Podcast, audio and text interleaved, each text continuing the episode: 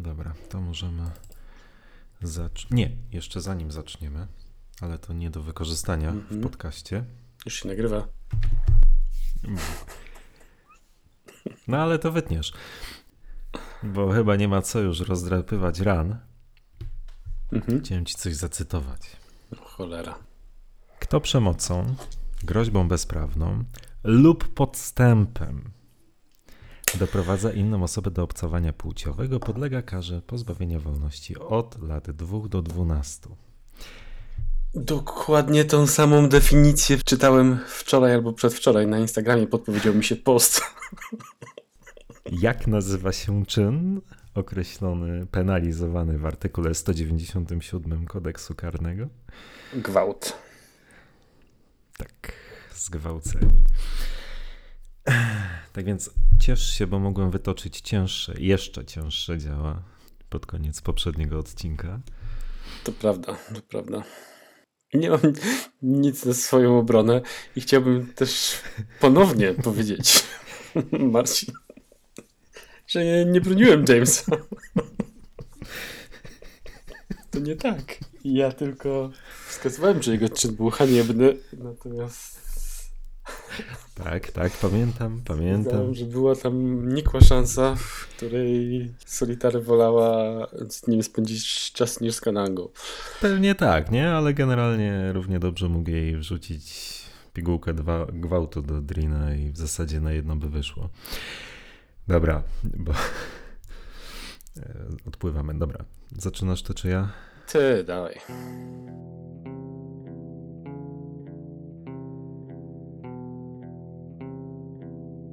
W kolejnym odcinku podcastu JamesBondTeam.pl witają Was Przemek Bartnik, JamesBond.com.pl i Marcin Tadera, JamesBond.org.pl. To czwarty odcinek, czy czwarta część naszej opowieści o filmie Żyj i pozwól umrzeć, który w ubiegłym roku obchodził 50. rocznicę e, powstania i swojej premiery. Ale dobra wiadomość jest taka, że wydaje się, że wszystkie kontrowersje chyba są już za nami, w związku z czym chyba powiedziałem, w związku z czym jest całkiem spora szansa, że teraz już będzie z górki.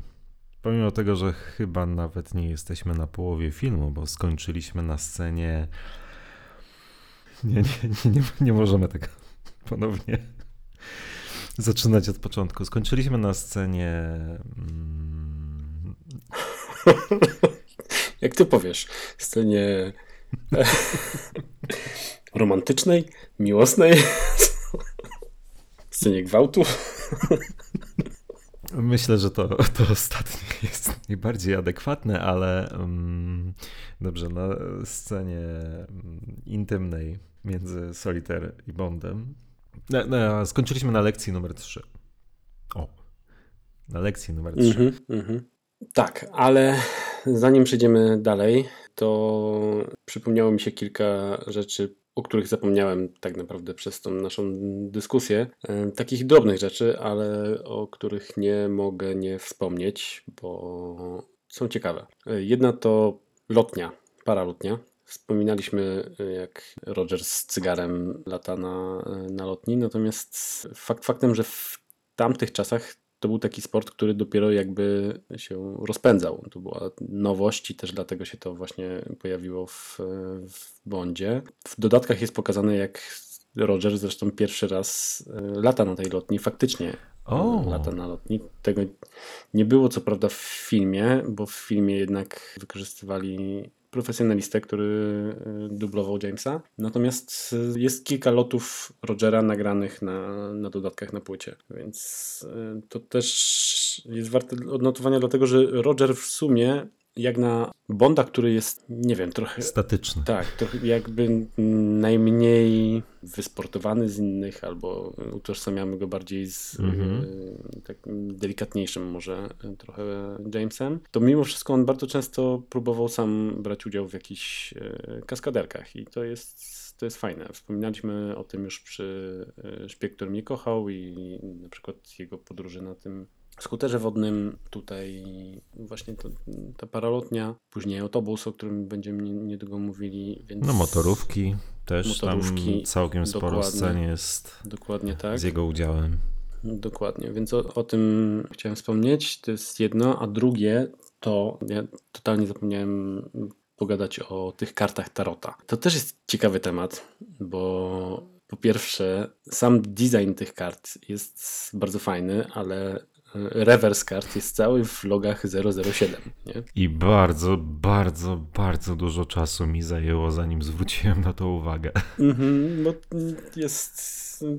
Teoretycznie, jak, jak to mm, zobaczysz, to już nie możesz tego. Tego się nie da odzobaczyć. Absolutnie Mhm. nie. I Tak. w, w ogóle zastanawiasz się, jak to możliwe, że na to nie, nie zwracałeś e, uwagi. Ale tak, to jest taki w sumie jedno z pierwszych świadomych odniesień do serii, chyba, nie? I w sensie do samej siebie. Jakby... Tak, ten film jest samoświadomy. E, Wiesz co, jeszcze z takich wcześniejszych scen, e, we wcześniejszych filmach tego typu, które właśnie wskazują na to, że te filmy są samoświadome, to chyba było jak e, Fiona Volpe w Thunderboltu komentowała właśnie seksualną sprawność i atrakcyjność Bonda. To, to też było takie ewidentne, e, właśnie samo, sa, samoświadome, gdzieś na poziomie meta e, tekst. Mhm. E, tak, masz rację. Mhm. Tak, wiem o co ci chodzi. No, pewnie masz rację, wrócimy do tego tematu jeszcze przy Thunderboltu. Natomiast to nie jest aż, aż takie cytowanie chyba siebie, jak, jak tutaj właśnie z tym rewersem kart, albo zresztą w serii Mura też później będziemy mieli chyba w Octopussy, nie? Tak. James Bond Team Mhm. graną na, na flecie, nie? Tak, to już będzie takie ewidentne łamanie czwartej ściany. Mhm, mhm. Ale tutaj mm, ciekawy ten motyw y, z kartami i przypomniało mi się o tym, jak właśnie ktoś w odpowiedzi na ankietę, którą usilnie przeprowadzałem na każdym możliwym y, medium społecznościowym przez ostatni tydzień, czyli co robił James tym sklepie y, Tarota i ktoś, Dawid chyba na, y, napisał, że pewnie wchodzi, bo zobaczył na witrynie kartę Tarota z y, jego inicjałami. I wtedy sobie przypomniałem, że w ogóle nie wspomnieliśmy o tym 007. A swoją drogą o tego, e, pamiętam ten post i pamiętam ten komentarz. I tego JB ja też nigdy do cholery nie zauważyłem. Mhm, mhm, ja w sumie też nie. Ale jeżeli chodzi o karty Tarota, to jest jeszcze bardzo ciekawa kwestia. Początkowo Salzman zwrócił się y, do Salvadora Dali Mhm. o zaprojektowanie talii kart Tarota. I Dali zaczął je projektować, natomiast zażądał za dostarczenie całej talii, zażądał 7 milionów dolarów, co na tamte czasy równało się z całym budżetem filmu. Więc Harry Salzman podziękował bardzo artyście i w końcu zatrudnili kogoś innego. Już nie pamiętam nazwiska e, tej osoby, która za- zaprojektowała mm, karty, które wykorzystano w filmie, ale te karty, które wykorzystano w filmie są też bardzo fajne pod względem designu. Mnie się bardzo podobają. Zresztą całkiem niedawno wyszła e, replika tych kart, Tak. którą cały czas można kupić na sklepie.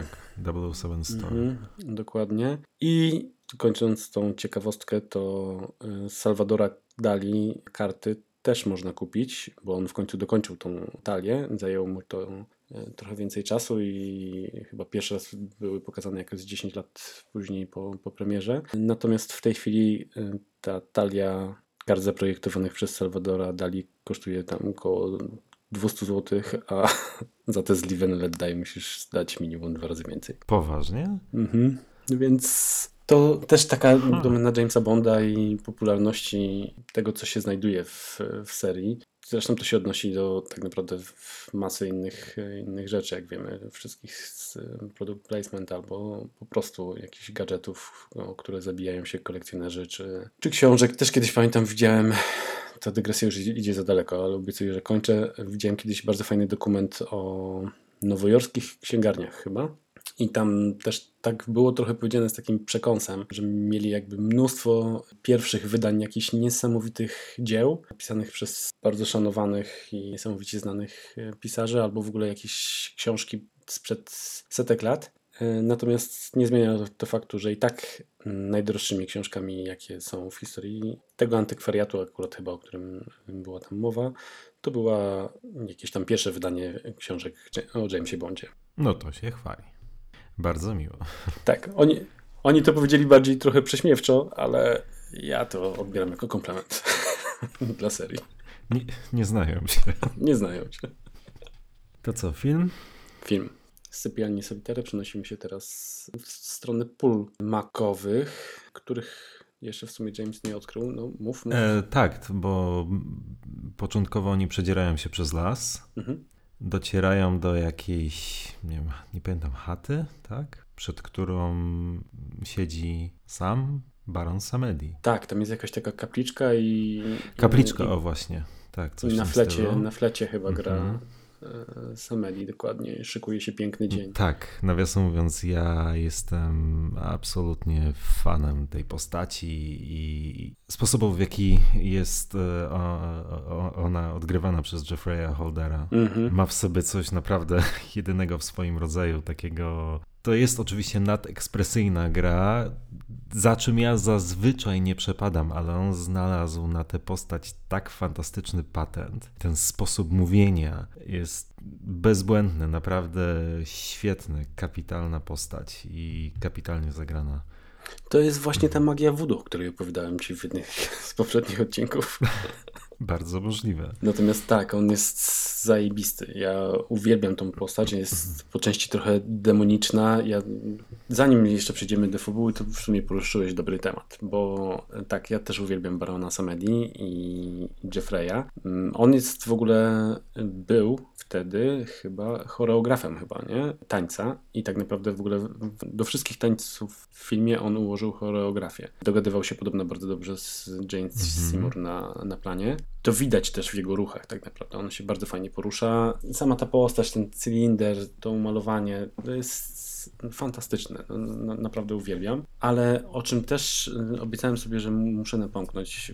Pamiętasz, jak mówiliśmy o Kanandze i o tym, że praktycznie cała, cała społeczność jest w szajce Kanangi i że w Nowym Orlanie nawet kobiety i nawet nie wiem, tam, czy tam dzieci też nie brały udziału w, w tym jazzowym pogrzebie. I tak sobie pomyślałem, że to też trochę późniejsze fragmenty filmu będą wskazywały na to, że e, oni jakby bardzo wszyscy wierzyli w Barona Samedi. Dojdziemy do tego, jak e, były całe te mistyfikacje w, końc w końcowych scenach. Ale zastanawiam się, czy to te, tak też nie było, że oni wszystkie te rzeczy wykonywali właśnie ze strachu przed Baronem Samedi i Kananga jakby wykorzystywał Barona Samedi do kontroli po prostu ludzi, tłumu, nie? Na San Monique tak.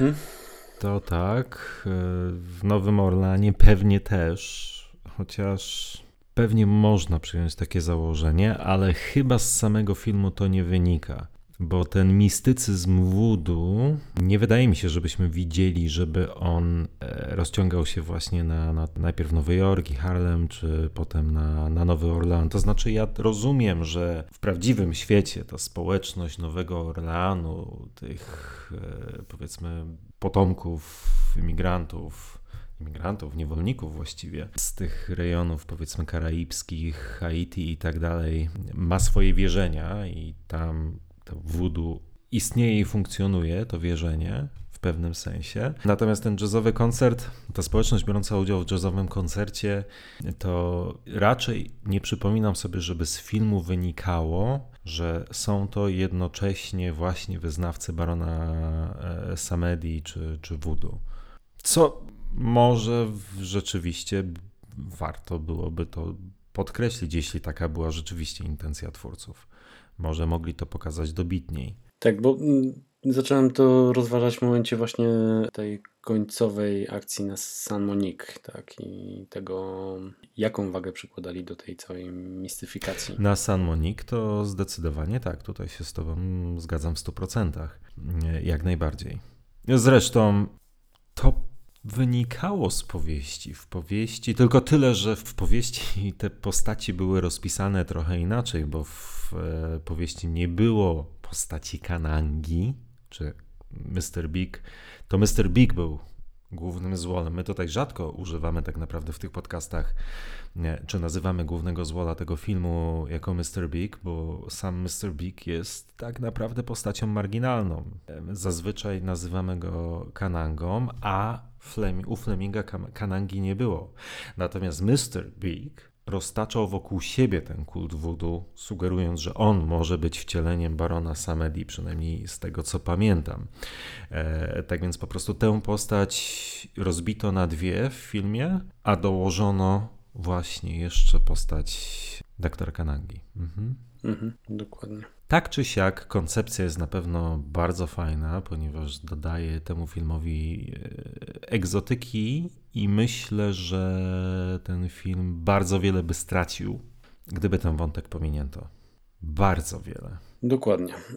Więc wracamy do dżungli. Baron Samedi gra na flecie, który okazuje się jakimś radiem krótkofalówką, przez który też zdaje raport do, do bazy, do, do Mr. Biga właśnie. E, I słyszymy chyba wtedy, że jeżeli odkryje pola, to, to go zabijcie. No właśnie. To o tym pewnie warto pamiętać, bo czemu dopiero jak odkryje pola? Mhm. Chciał go zabić w Harlemie, nie udało mu się. Cały czas robi mu koło I, i, I, skąd to założenie, że zabijcie go, jeśli odkryje pole makowe, a jeśli nie, to co puści, puściłby go wolno? Tak, no jest tutaj kilka niekonsekwencji w tym, w tym filmie i to jest jedna z, jedna z nich. Rozmawialiśmy o tym zabiciu Jamesa przy Rosie Carver, przy ostatnich scenach z Rosie. To też trochę było bez sensu i tutaj jakby jest to kontynuowane, niedopowiedziane przez film w sumie, tak jak powiedziałeś, co się stanie, jeżeli, jeżeli nie odkryje. Tym bardziej, że już próbował go zabić kilkakrotnie wcześniej. Więc to jest taki motyw, który trzeba przełknąć po prostu. Mhm. No, prawdopodobnie gdzieś tutaj być może przez, licz... przez poprawki scenariusza, przepisywanie scenariusza, być może pewne rzeczy umykały. Nie wiem, ale to jest coś, czego ja tak nie do końca nie do mhm. końca to kumam. Niepodobnie. No ale okej. Okay. Bond odkrywa ostatecznie pola makowe i pojawia się helikopter. Tak jest ostrzeliwuje, natomiast udaje mi się uciec. I nie wiem, czy się będziemy tutaj rozwodzić nad czymś. Nie, to jest z tego co. To jest taka w miarę spójna, zwarta scena. E, nie przeciągnięta, natomiast w tym momencie już też Kananga e, wydaje rozkaz, że Bond musi zginąć za wszelką cenę. Mhm. Dokładnie. Tak, i trafiamy do jakiegoś miasteczka, to znaczy. Wioski. Czy tam wioski, obrzyd. Do jednej z ciekawszych miejscówek w sumie tego filmu. Takiej też klimatycznej, fajnej. Bond wparowuje tam z Solitaire. Oczywiście nie przechodzą niezauważeni.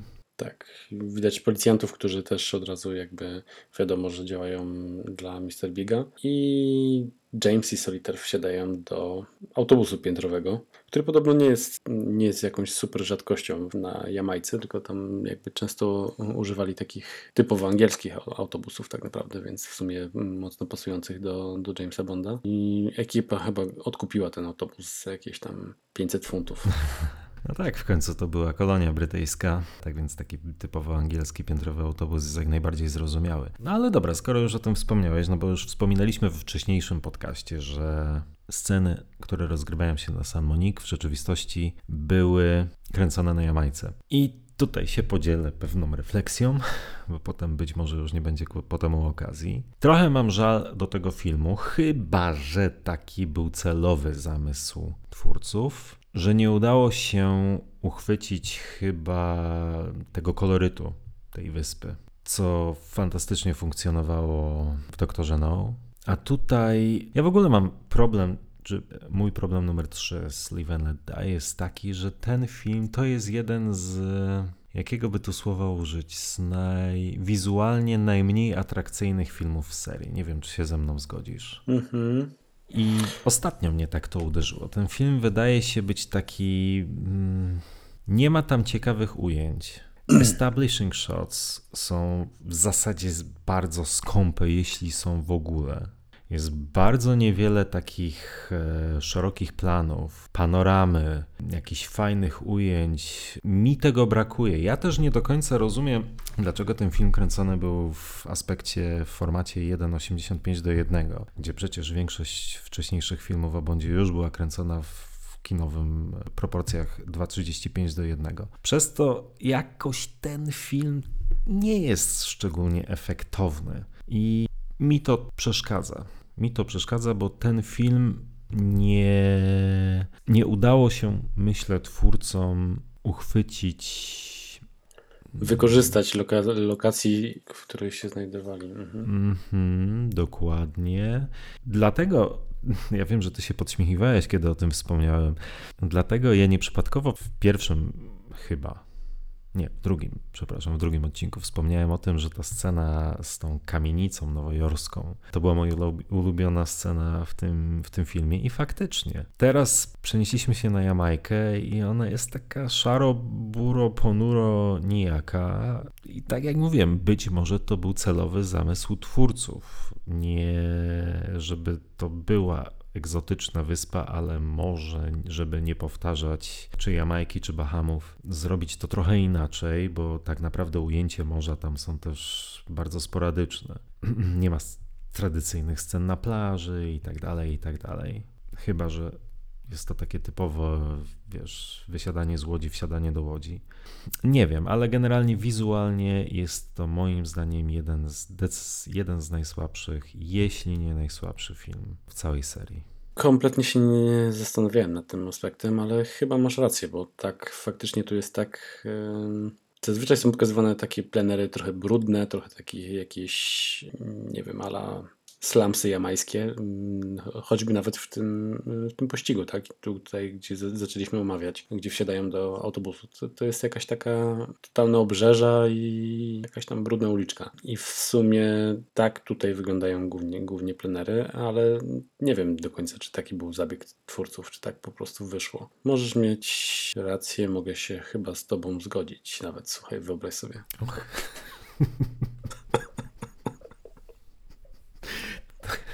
nie byłem przygotowany na, tak, na taką ewentualność, więc teraz nie bardzo wiem, co powiedzieć.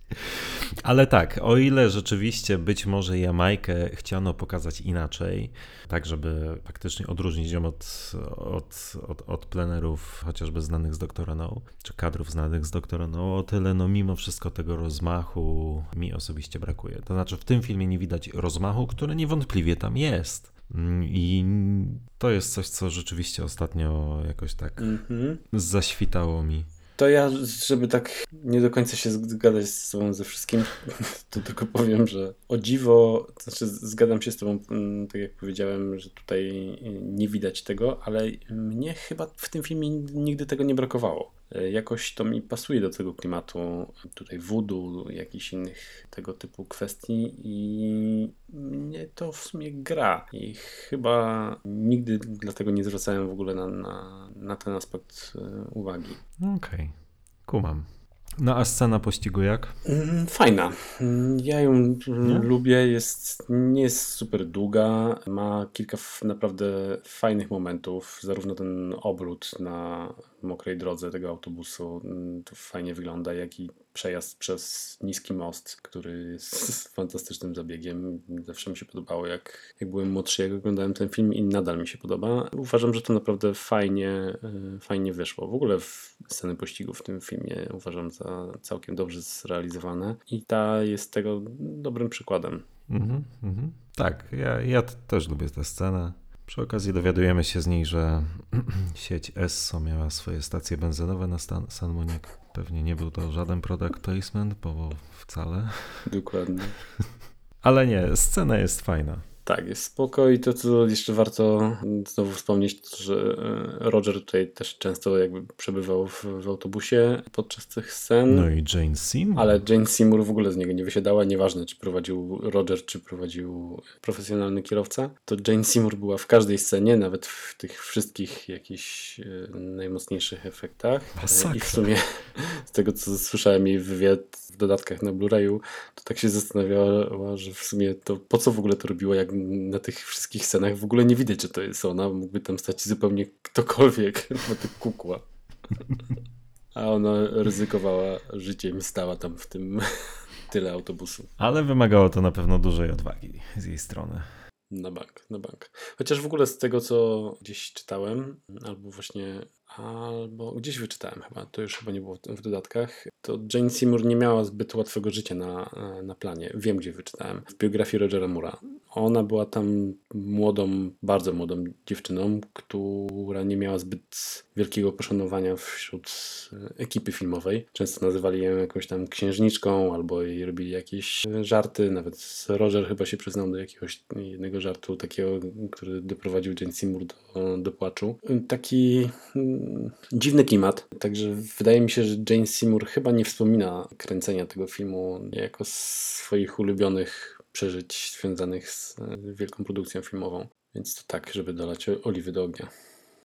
No dobra. Bond i Solitaire odpływają z Quarrelem. Tak, bardzo fajnym podjazdem autobusu na, na molo. Bardzo mi się podoba, jak tak pod, pod, pod samą łódkę podjeżdżają i się przesiadają do, do Quarrela. A, tak. A, i tu jest taki super drobny y, motyw, jak już płyną łódką z Quarrelem i James teraz zwraca uwagę na pływające wokół rekiny. I to jest jedyny moment, który jakby przypomina mi książkę i ten, ten motyw, jak wyspa Mr. Biga była otoczona egzotycznymi... Rafą koralową. Tak, egzotycznymi zwierzętami. Jakby specjalnie Mr. Big stworzył taką aurę wokół niebezpiecznych zwierząt, które de facto broniły jego wyspy. I ten genialny motyw później przygotowywania się Jamesa Bonda do szturmu na tą wyspę, który w książce był rewelacyjny, tego kompletnie nie ma, natomiast w tej chwili jak patrzę na te rekiny, to zawsze sobie o tym myślę, jakie to jest zmarnowanie no. dobrej sceny, mm. przeprowadzenia dobrego szturmu. Fantastycznie.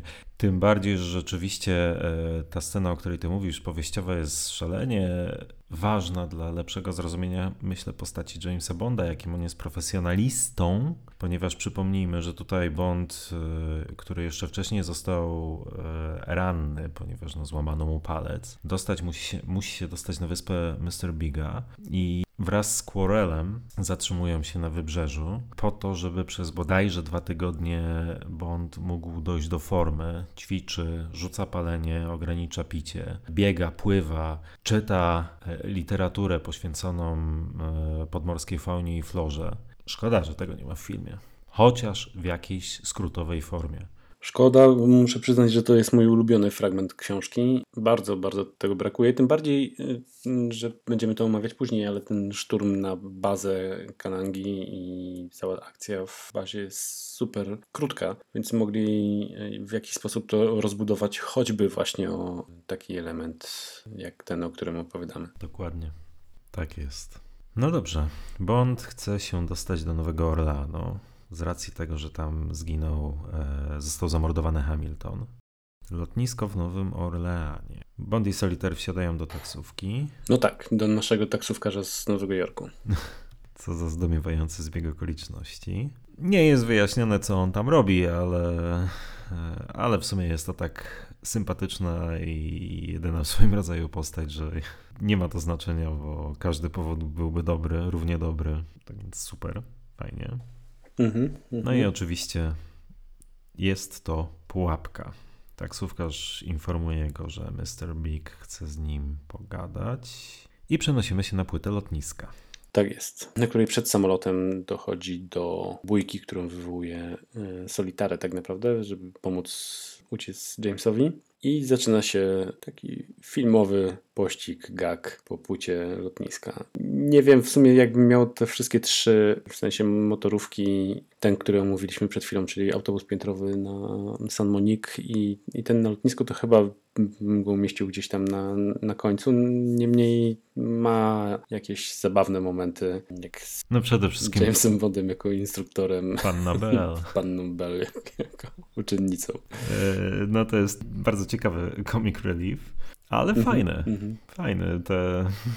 No jest to na pewno coś innego. Tak, no wprowadza mega fajny humor. James zresztą tutaj on jest w takiej czarnej... Za duże obroty. I to jest zresztą coś, taki humor, który później w erze Rogera Mura będzie jakby bardzo często wykorzystywany i do Rogera Mura to bardzo pasuje. To jest takie po prostu momenty bardzo, ale to bardzo komediowe, które wprowadzają fajny powiew świeżości i luzu w serii i za to go też myślę, że e, mnóstwo ludzi kocha i kocha jego erę. Tak jest, tak. Tam jest też bardzo fantastycznie przez, e, przez pannę Bell, panią Bell wypowiedziane przekleństwo. Holy shit. Tak, ona w ogóle zajebiście wygląda w tej pilotce, w tych okularach. okularach. Dokładnie. Świetne. Kiedyś widziałem, y, ktoś zrobił przeróbkę plakatu z No Time to Die chyba. Jak kojarzysz jeden z pierwszych plakatów, to był taki jakby z wnętrza samochodu, chyba gdzie widać twarze Jamesa i Madeleine mhm. w, w DB5 na takim bardzo dużym zbliżeniu. I mhm, mhm. ktoś chyba zamiast Madeleine wrzucił tam panią Bear. Rewelacja, muszę to gdzieś znaleźć. Świetne.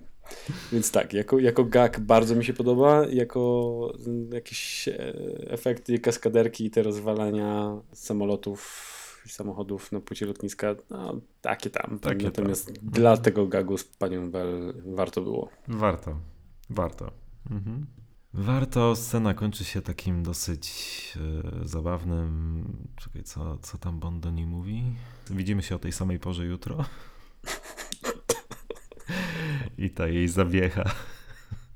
Tak, dokładnie tak. I w sumie on tym samochodem, tym samolotem traci skrzydła prawie jak w Spectre, gdzie w sumie Mendes wypowiadał się, że Live and Let Die było jego ulubionym filmem. Tak, Więc kto, filmem. Mhm. No, ciekawe. Kto wie, tak. nie wykorzystał tego. Tym bardziej, że w sumie końcowa akcja w pociągu też jest podobna do akcji z y, Draxem. Z Draxem niszczycielem. W sensie. z Draxem. tak, z Draxem niszczycielem. Dokładnie. Z Dave'em Batistą i Sphinxem. z Draxem. tak, w kolejnej scenie mamy nie wiem, co mamy, bo mam napisane James z Felixem i to tyle. W następnej scenie e, to jest scena w pokoju hotelowym, w apartamencie w hotelowym, w którym Bond na luzie, jakby się nic nie stało, daje sobie e, mierzyć garnitur przez krawca, a w tym czasie Felix Leiter się bardzo mocno i bardzo usilnie próbuje załagodzić swojego rozmówcę przez telefon w związku z incydentem na lotnisku. A, no tak. Okej, okay, okej, okay. już pamiętam. A Bond ma to generalnie w dupie.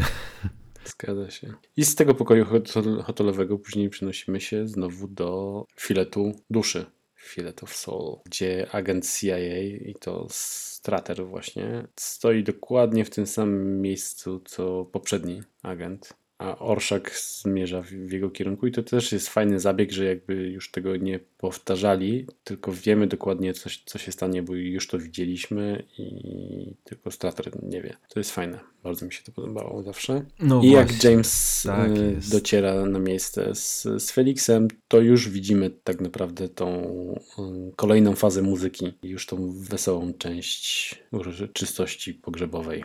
Zgadza się. Bond i Lighter wchodzą do Fillet of Soul. Mhm. I to jest kolejna gra znowu z nawiązywaniem do poprzednich scen, tylko rozwiązywana troszkę inaczej, nie? Bo to jakby James tutaj od razu sugeruje, że nie, nie chce stolika przy ścianie, bojąc się o to, że mm, będzie obrotowa. Sam wybiera stolik zupełnie, zupełnie inny i bawi się oczekiwaniami widza. Przez chwilę widz myśli, że okej, okay, tutaj będzie bezpieczny i James także, ale za chwilę okazuje się, że to miejsce jest również niebezpieczne i otwiera się zjeżdżalnia, w którą wpada James. Tak. Tak, tam chyba on też próbował jakiegoś drinka zamówić, chyba, chyba martini. Nie, nie, znowu bourbon bez lodu. Bourbon bez lodu, ale tam lighter go chyba poprawia, nie? I zamawia coś innego. A, dobra, mniejsza z tym.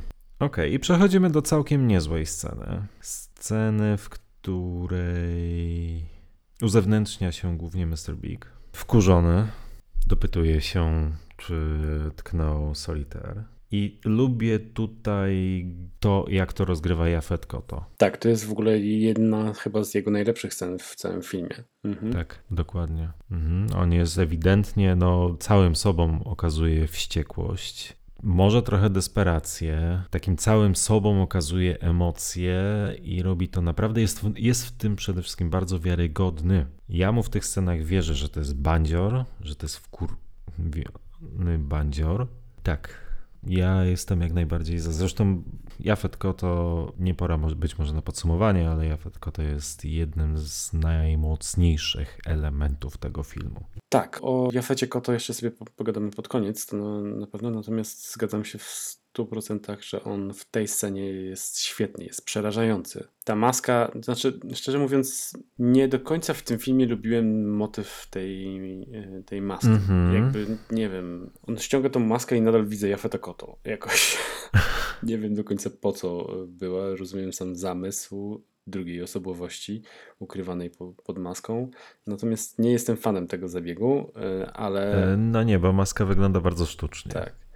E, ale sam Jafet faktycznie gra tutaj e, rewelacyjnie i też bardzo, ale to bardzo lubię tę scenę.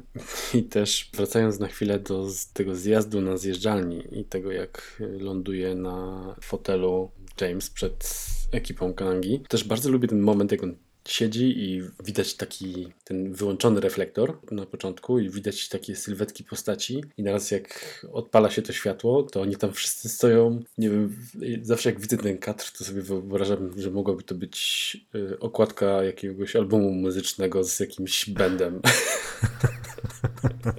takie e, przygotowane powitanie, ale lubię ten kadr. Mimo tego, że trochę go tutaj wyśmiałem, to, to tak naprawdę bardzo, bardzo go lubię i ta scena jest fajna. Tak. W każdym razie, wracając do mojej pierwszej myśli, Mr. Big usilnie próbuje się dowiedzieć mm, od Bonda, czy tknął e, Solitaire. Natomiast Bond obstaje przy tym, że to jest e, sprawa między nim, Solitaire i ewentualnie Kanangą i nie zamierza się tłumaczyć komuś innemu i że jakby wszystko opowie Kanandze, kiedy go spotka osobiście. Mhm. Na co Mr. Big fajnie odpowiada, że jeśli, nie od, jeśli mi nie odpowiesz, to, to nie zobaczysz już światła dziennego.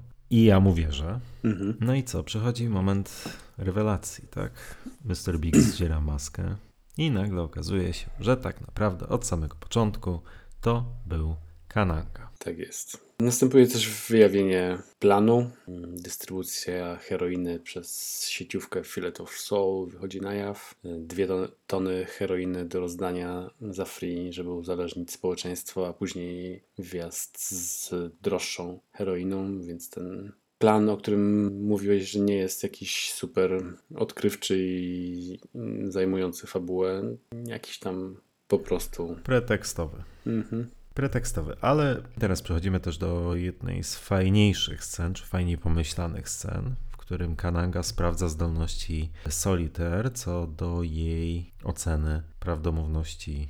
W skrócie tego, czy nadal posiada swoje zdolności. Mhm. I w tym celu, bo, y, przepraszam, w tym celu Kananga wykorzystuje zegarek Bonda, ten fajniejszy z jego zegarków. Mhm. Zgadzam się razem z stuprocentowym udziałem innych e, użytkowników w ankiecie. Przyznaję ci rację. Wykorzystuje numer seryjny e, tego zegarka i jakieś ostatnie cyfry numeru seryjnego zegarka i Solitaire ma potwierdzić, czy mówi prawdę, czy nie. Tak jest, daje jej 50% szans. Jak się później okazuje, nie posiada już swoich mocy. Aczkolwiek przy 50% mogło trafić. Blisko było. Mogła trafić, tak, tak. No i sam fakt, że Kananga daje jej zagwostkę z gatunku 50-50 też świadczy o jego desperacji. Jak on bardzo chciał wierzyć, że, że, że jednak Bond i Solitaire nie spali ze sobą. -hmm. No ale niestety, znaczy niestety dla, dla niego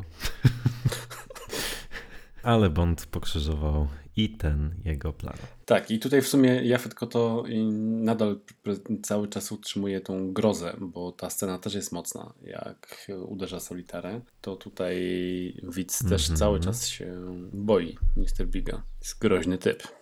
Tak. I Solitaire czy Jane Seymour właściwie też tutaj bardzo fajnie odgrywa strach. Tego mi trochę brakuje u Bonda, bo to jest trochę podobna sytuacja do tej ze sceny w Harlemie, nad którą się rozwodziliśmy trochę szerzej. Natomiast no, to już być może nie jest na szczęście aż ten kaliber, no bo tutaj już mur nie pozwala sobie na śmieszkowanie i nie podchodzi tak zupełnie na luzie do, do tego, tak jak to miało miejsce w Nowym Jorku w bardzo podobnej scenie. Mhm, mhm. Kananga wydaje rozkaz Whisperowi, jeśli się nie mylę, że mają że Bonda mają zabrać na farmę. Tak, bo w ogóle ta scena, o której przed chwilą opowiadaliśmy, to już Bonda jakby chyba już nie ma w pokoju. On bije Solitarę, jak Whistler już wprowadza Jamesa. Tak. I to, co jest jeszcze fajne w tej scenie, to e, Baron Samedi, jego śmiech. Jest taki tutaj demoniczny, znowu dokłada. Co, Bardzo charakterystyczny. Tak, dokłada czegoś tak. fajnego, bo mm, powiedziałem, że Kananga zostaje sam z Solitara, w sensie zostaje sam z Solitara i z Baronem Samedi, który tam jeszcze pali tą kartę i później chyba pod koniec tej sceny zaczyna się tak złowieszczo śmiać i to jest też fantastyczne. Mhm. Tak jest. Jafet Koto też świetnie jeszcze tylko rozgrywa. Trudno się oczywiście zachwycać sceną policzkowania. Natomiast e, chwilę później zwraca się do Solitaire i to robi też w taki bardzo ciekawy sposób. Zwraca się do niej słowami, że w odpowiedniej chwili sam dałbym ci miłość. Wiedziałaś o tym. I tutaj to jest taka mieszanka złości i smutku żalu w jego głosie. Mhm, Naprawdę to jest bardzo fajne aktorstwo. Kolejny, kolejny przykład na bardzo fajne aktorstwo z jego strony. Zgadza się i fajne rozwinięcie postaci, że tak naprawdę nie miał jej jakby tylko i wyłącznie do wykorzystywania do mm, przewidywania przyszłości, tylko nie używał jako jedynie jako narzędzia, tylko wiązał z nią też jakieś inne plany, wyobrażenia, czy po prostu może był w niej zakochany. Zgadza się, tak. Świetnie jest to zagrane, zgadza się i to jest kolejny motyw, który wzbogaca postać Kanangi, Mr. Bika. Mhm, tak jest. Dobra. Przenosimy się na farmę Rosa Kanangi, tylko prawdziwego Rosa Kanangi. I to jest też taka powszechnie znana historia, której wszyscy są świadomi, natomiast podczas no, szukania chyba a jeśli nie, to, to chętnie o tym opowiemy. Podczas scoutingu, skautowania, mm, szukania lokacji, trafiono na, taką farmę właśnie na, na Jamajce, prawda? Oj, nie wiem czy na Jamajce, ale nie ma to większego znaczenia. Na prawdziwą farmę krokodyli, na której był prawdziwy napis. E, Intruzi zostaną, zostaną zjedzeni. Intruzi zostaną tak. zjedzeni. Mm, to jest w ogóle świetne, ale to świetne hasło. No i na tyle zaciekawiło to twórców filmu, że postanowili się dowiedzieć, co, co, to jest za farma. Okazało się, że właścicielem jest niejaki Ros Kananga i ma farmę krokodyli. Co za postać. Podobno jego ojciec zginął w paszczy y, krokodyla. Krokodyli. Przejął y, rodzinny biznes, ale jak nie pomścił zbytnio ojca, tylko zajmował się kolejną bandą krokodyli. I to był jakiś w ogóle taki psychol, bo chyba jeszcze miał swojego lwa, tylko ten lew w pewnym momencie go gdzieś tam chyba chciał ugryźć w szyję i, się zdenerwował się go pozbył. Yes. Więc jakiś taki miłośnik dość dzikich zwierząt. No i na tyle to miejsce zafascynowało twórców, że postanowili użyć go w filmie i głównego złoczyńcę tak naprawdę nazwać też na cześć właściciela farmy, Rosem Kanangą. No i ta farma przyczyniła się też do jednego z najbardziej szalonych kaskaderskich popisów chyba w dziejach tej serii, o której pewnie za chwilę będziemy mówili, ale każdy już wie tak. o co chodzi.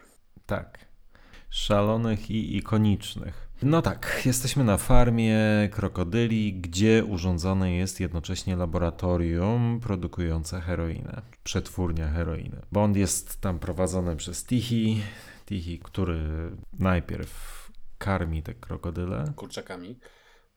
Kurczakami, co jakby nas, widzów, ma przygotować na to, co za chwilę może się wydarzyć. A następnie Bond zostaje uwięziony na takiej bardzo niewielkiej wysepce pośrodku akwenu wodnego pełnego krokodyli. Mhm. To też chyba w e, biografii Rogera Mura czytałem o tym, że tą wysepkę wybudowali. Jej nie było na tym e, akwenie, więc jakiś taki ala mostek zrobili i sztuczną wyspę. Natomiast śmiesznie to Roger opisywał, nie wiem na ile to prawdziwe, bo Roger jakby w co drugim zdaniu sobie e, robi jaja. Natomiast tu niektóre motywy są śmieszne i tutaj właśnie opowiadał, jak cały dzień czy tam ileś czasu spędzili na stawianie tego stelażu, na którym postawili tą wyspę i na chwilę przed rozpoczęciem zdjęć przychodzi ten cały Roskananga i się pyta, czy ktoś w ogóle ma zamiar wchodzić na tą wyspę. Roger mówi, no jak to, myślisz, że po cholerę ją budowaliśmy? No pewnie, że tak, ja. No nie, nie, to, to nie przejdzie tutaj to w ogóle jest totalnie niebezpieczne i krokodyle łatwo się tutaj dostaną, tym bardziej, że one gdzieś musiały być jakby oddzielone w innej sekcji tego akwenu, natomiast podobno są w stanie się zbić na ileś tam metrów powietrze, tak żeby przeskoczyć ten, jakąś bramkę, która ich oddzielała, więc Roskanaka mówił, że to jest trochę niebezpieczne i tak nastraszył Rogera, który był chyba mocno zestresowany podczas tych scen. Tym bardziej, że na nogach miał buty z krokodyla, o czym też śmiesz, śmiesznie wspominam w książce. Ale trudno mu się tym razem dziwić. Jak najbardziej. Zanim przejdziemy do samego tego popisu kaskaderskiego, no to tam jest jeszcze taka krótka scena, w której całkiem sprytnie Bond próbuje, wykorzystując magnes w zegarku, przyciągnąć łódkę. No i szok, nie udaje się, bo łódka jest przycumowana. Mhm, tak. To też fajne granie z oczekiwaniem widza, nie? Bo tak. tutaj tak. jakby wiemy, do czego zdolny jest ten zegarek. Wiemy, że James przyzwyczaił widzów do tego, że używa gadżetów do tego, żeby poradzić sobie z takimi właśnie sytuacjami. I tu początkowo mu się udaje, gadżet działa, tak? Tylko okazuje się, że łódka jest przywiązana. Magnes na pewno nie poradzi sobie z tym tematem i James musi wykombinować coś, coś innego. innego. Więc spada na szalony pomysł, żeby po krokodylach przeskoczyć. Mhm. Ja w ogóle, szczerze mówiąc, nie wiem, do czasu liceum, może nawet trochę później, naprawdę nie miałem świadomości, że to zostało wykonane na naprawdę. Ja też. Jak obejrzałem dodatki i trafiłem na ten dodatek, gdzie są nakręcone wszystkie pięć prób przeskoczenia po tych krokodylach, to zdębiałem. No po prostu y, kopara mi opadła i absolutnie byłem w szoku, że to ktoś wykonał naprawdę i że się udało dopiero za piątym razem. I że ktoś dał na to zielone światło. Mm -hmm, Bardzo sobie wyobrażam, żeby w dzisiejszej, w produkcji filmowej w dzisiejszych czasach ktokolwiek komukolwiek pozwolił przeskakiwać po żywych, prawdziwych krokodylach nawet jeśli one tam, nie wiem, były czymś przywiązane, e, w sensie ich nogi, i jeśli mnie pamięć nie myli, no to i tak, to jest po prostu szaleństwo. A to chyba ten Roskananga skakał, nie? Tak, to skakał ten Roskananga i on sam zaproponował ten trik. Ja nie sądzę, żeby ktokolwiek przy zdrowych zmysłach z produkcji filmowej się zgodził sam coś takiego zrobić, więc tutaj gość, który po pierwsze codziennie obcuje z tymi zwierzętami, po drugie niedawno miał lwa i w ogóle jest jakimś totalnym psycholem, coś takiego proponuje i twórcy poszli na to. W tych czasach chyba zdecydowanie Nikt by się na to nie zgodził, tym bardziej, że biedne zwierzaki, tak jak powiedziałeś, przywiązane linami do jakichś głazów na, na dnie. Myślę, że były trochę wkurzone, że ktoś, ktoś po nich e, skacze. I w sumie zawsze się śmiałem, bo te e, wszystkie próby, jak, jak się ogląda, to za pierwszym razem jeszcze pół biedy, bo te zwierzęta nie do końca wiedzą, co się będzie działo, ale każda następna próba to już dokładnie wiedziały, co się będzie działo i każdy próbował złapać kanangę za, za nogę. No tak, bo Kananga przestrzegał, że to nie są wcale takie bezmyślne zwierzęta i one teraz już będą na niego czekały. Dokładnie. I tam chyba w trzeciej próbie jest tak, że jeden z tych krokodylów łapie za nogę mhm. Kanangę. Tak, tak, tak, to pamiętam. To, nie, to szaleństwo to jest mało powiedziane. No ale tak jak powiedziałeś, takie rzeczy właśnie tworzą ikoniczność i są zapamiętywane na lata i ten fragment jest bardzo bardzo słusznie uznawany za kultowy, bo jest po prostu aż tak szalony, że. No dobra. Bond wydostaje się z pułapki. Wydaje się być dosyć wkurzony, ponieważ obmyśla dość okrutną zemstę. a mianowicie na tych laborantów pracujących nad, nad obróbką opium czy, czy przetwarzaniem heroiny, napuszcza krokodyla, po czym całość podpala. Tak jest. Puszcza laboratorium z dymem i zaczyna się pościg motorówkami. Pościg motorówkami, który, jak krąży legenda, w scenariuszu był e, opisany zdaniem największy pościg motorówkami w dziejach i to tyle. I reszta już była inwencją kaskaderów i twórców, twórców filmu. Natomiast Mankiewicz tam w scenariuszu za, za dużo nie opisał, jak, jak, jak to ma wyglądać. Jest bardzo widowiskowa, to na pewno. Jest długa dosyć, może niektórych nużyć. Ma kilka znowu pamiętnych motywów, bo zarówno ten przejazd przez wesele i tort jest taki trochę taki typowo Rogerowy właśnie, jak i ten motyw przeskoku łódek nad drogą, to też jest niezły wyczyn. Jeden z tych skoków został zaliczony do rekordów Guinnessa. Natomiast drugi nieudany, ten, w którym łódka wylądowała w radiowozie J.W. Peppera, to było podobno niezamierzony zabieg, tylko tak po prostu wyszło i to nakręcili, więc postanowili wykorzystać to, to w filmie. Więc to, to też śmieszne. Czyli ty jesteś na tak, bo pewnie do Pepera myślę, że musimy przejść w oddzielny, Jako o- wątek. jako tak, oddzielny chwilę. wątek. Mhm. E, ale jeśli chodzi o ten pościg motorówkami, to jesteś na tak. E, Jestem na tak, e, też ze względu na w sumie zdjęcia, o których mówiłeś. Tutaj, jeżeli miałbym polemizować z tym, co powiedziałeś wcześniej, to to się nie tyczy tych scen, w sensie e, szerokie kadry i, ładne zobrazowanie tego okolicy tak naprawdę. To Tak. w tej scenie to, to wychodzi i jest tutaj kilka takich kadrów, które też zapisują się w pamięci, szczególnie z tych momentów, kiedy Roger prowadzi łódkę i na jakichś takich zbliżeniach. Jest kilka świetnych zdjęć krążących po, po internecie z tego i jakoś przez to mam sentyment do, do tej sceny. Zgadzam się z tobą, jeśli chodzi o realizację tej sceny. Tak, to rzeczywiście jest, bywa imponujące momentami. To być może są najlepsze, jedne z najlepszych kadrów tego filmu. Nie ma się żadnego wrażenia sztuczności. e, No to oczywiście już też nie są czasy tylnej projekcji.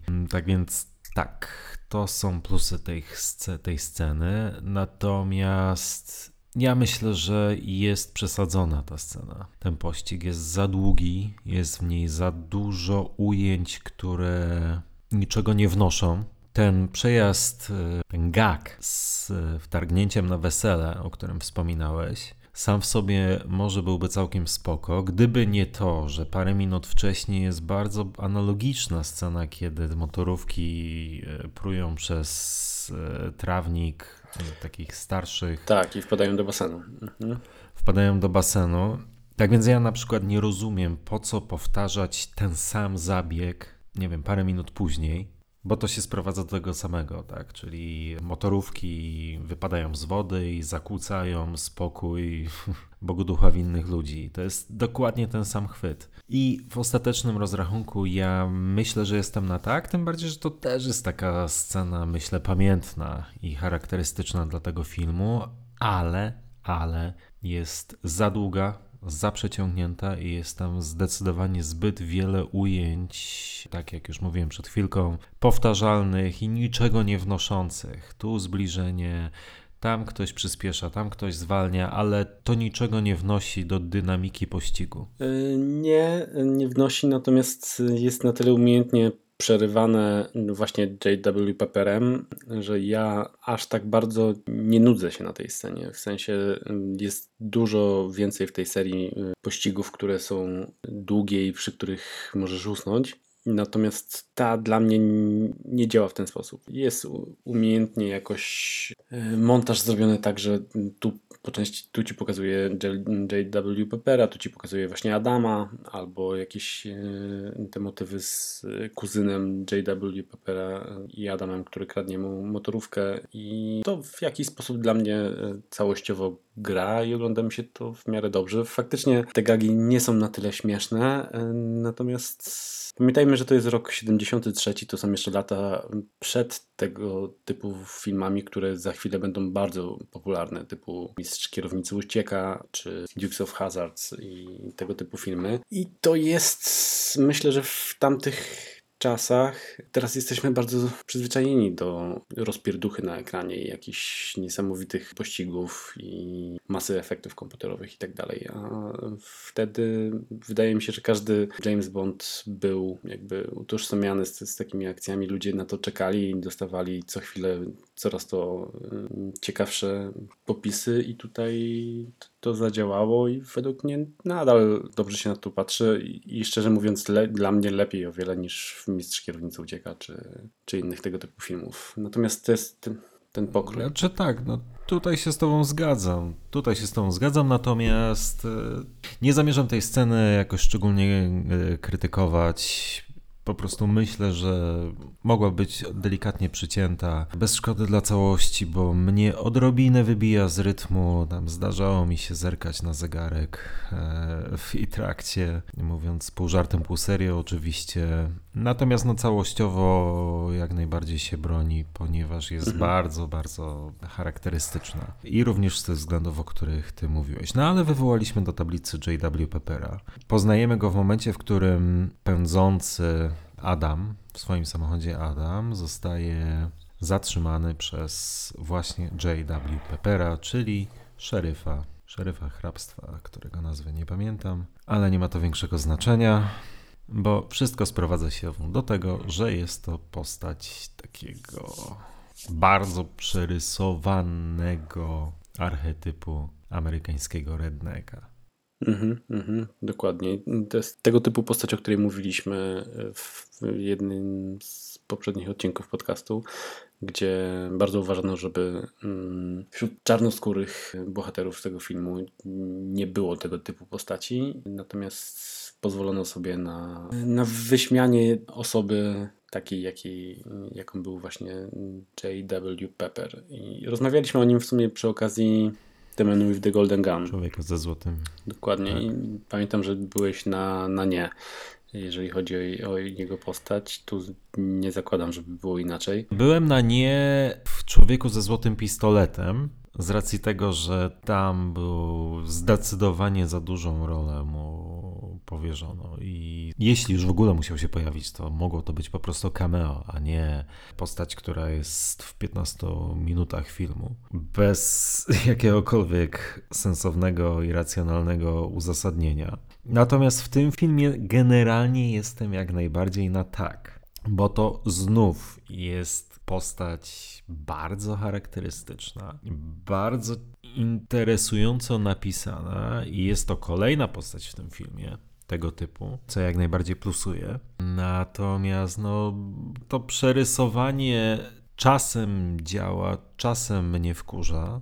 Clifton James dokładnie na tej samej zasadzie czasem jest fenomenalny, a czasem mnie wkurza, ale nie w sposób myślę, założony przez e, scenarzystów. Ale gdybym miał, wiesz, jednoznacznie stwierdzić tak lub nie, no to, to tak, to jestem na tak. E, ja też jestem na tak i ja zawsze z niego mocno polowałem. Jako, jako dzieciak z niego polowałem. Myślę, że później już trochę mniej, natomiast nadal te jego momenty wywołują u mnie salwę śmiechu. On gra naprawdę zagrać tak Rednecka wcale nie jest, wydaje mi się, tak łatwo. Clifton James zrobił naprawdę porządną robotę i w ogóle nie wiem, czy słuchałeś w James Bond and Friends, to nigdzie nie znalazłem tego potwierdzenia i oni też o tym mówili, że tego nie znaleźli, ale podobno...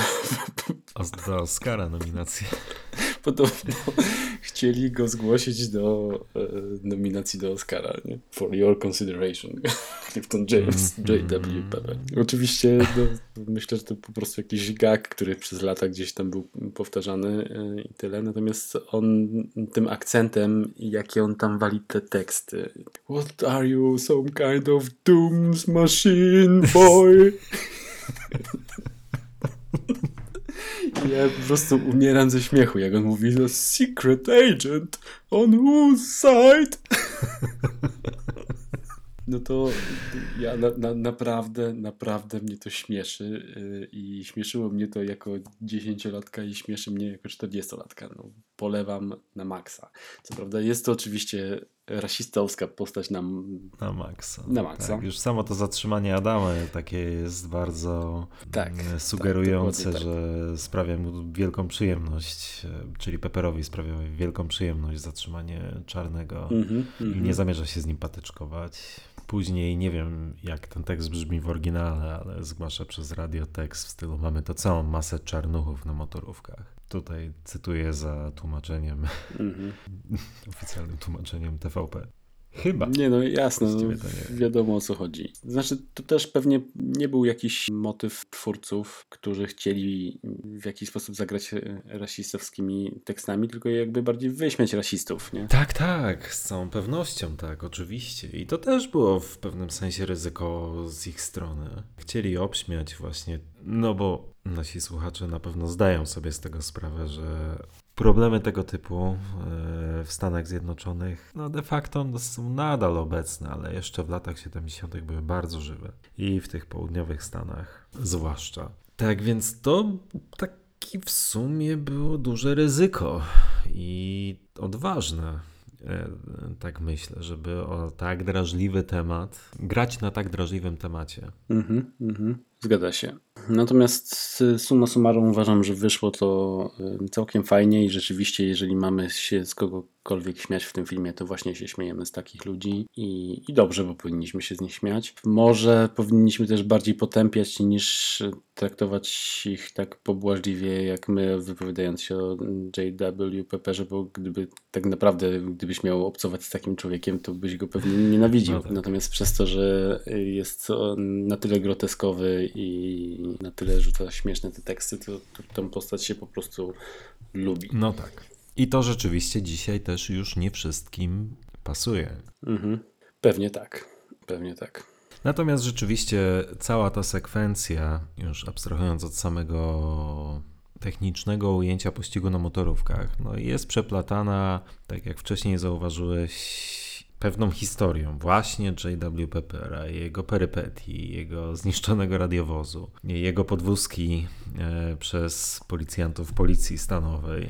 Cała masa jakichś bodźców, tutaj komunikaty w radio w stylu nie wiem, że wezwanie do jakiejś kobiety, czy przypadkiem nie zastrzeliłbyś jej psa, bo toczy pianę z ust. No, tak po prostu rzucone jak Tak, rzeczywiście tam jest coś takiego.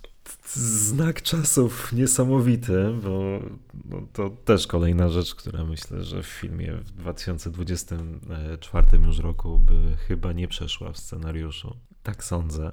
Tak więc tam się naprawdę bardzo dużo dzieje, czy to jak Adam kradnie moto łódź e, szwagra J.W. Peppera i potem J.W. myśląc, że to jego szwagier płynie, oznajmia to wszystkim tym zgromadzonym policjantom policji stanowej, którzy zostawiają pułapkę na, na, na, na, na Bonda i goniący go złoli. Natomiast oni ze zdziwieniem Czy to na pewno jest jego kuzyn, E, tak? Czy to aby na pewno jest jego kuzyn, no bo na tej łodzi jest e, Adam, czyli czarny e, zło.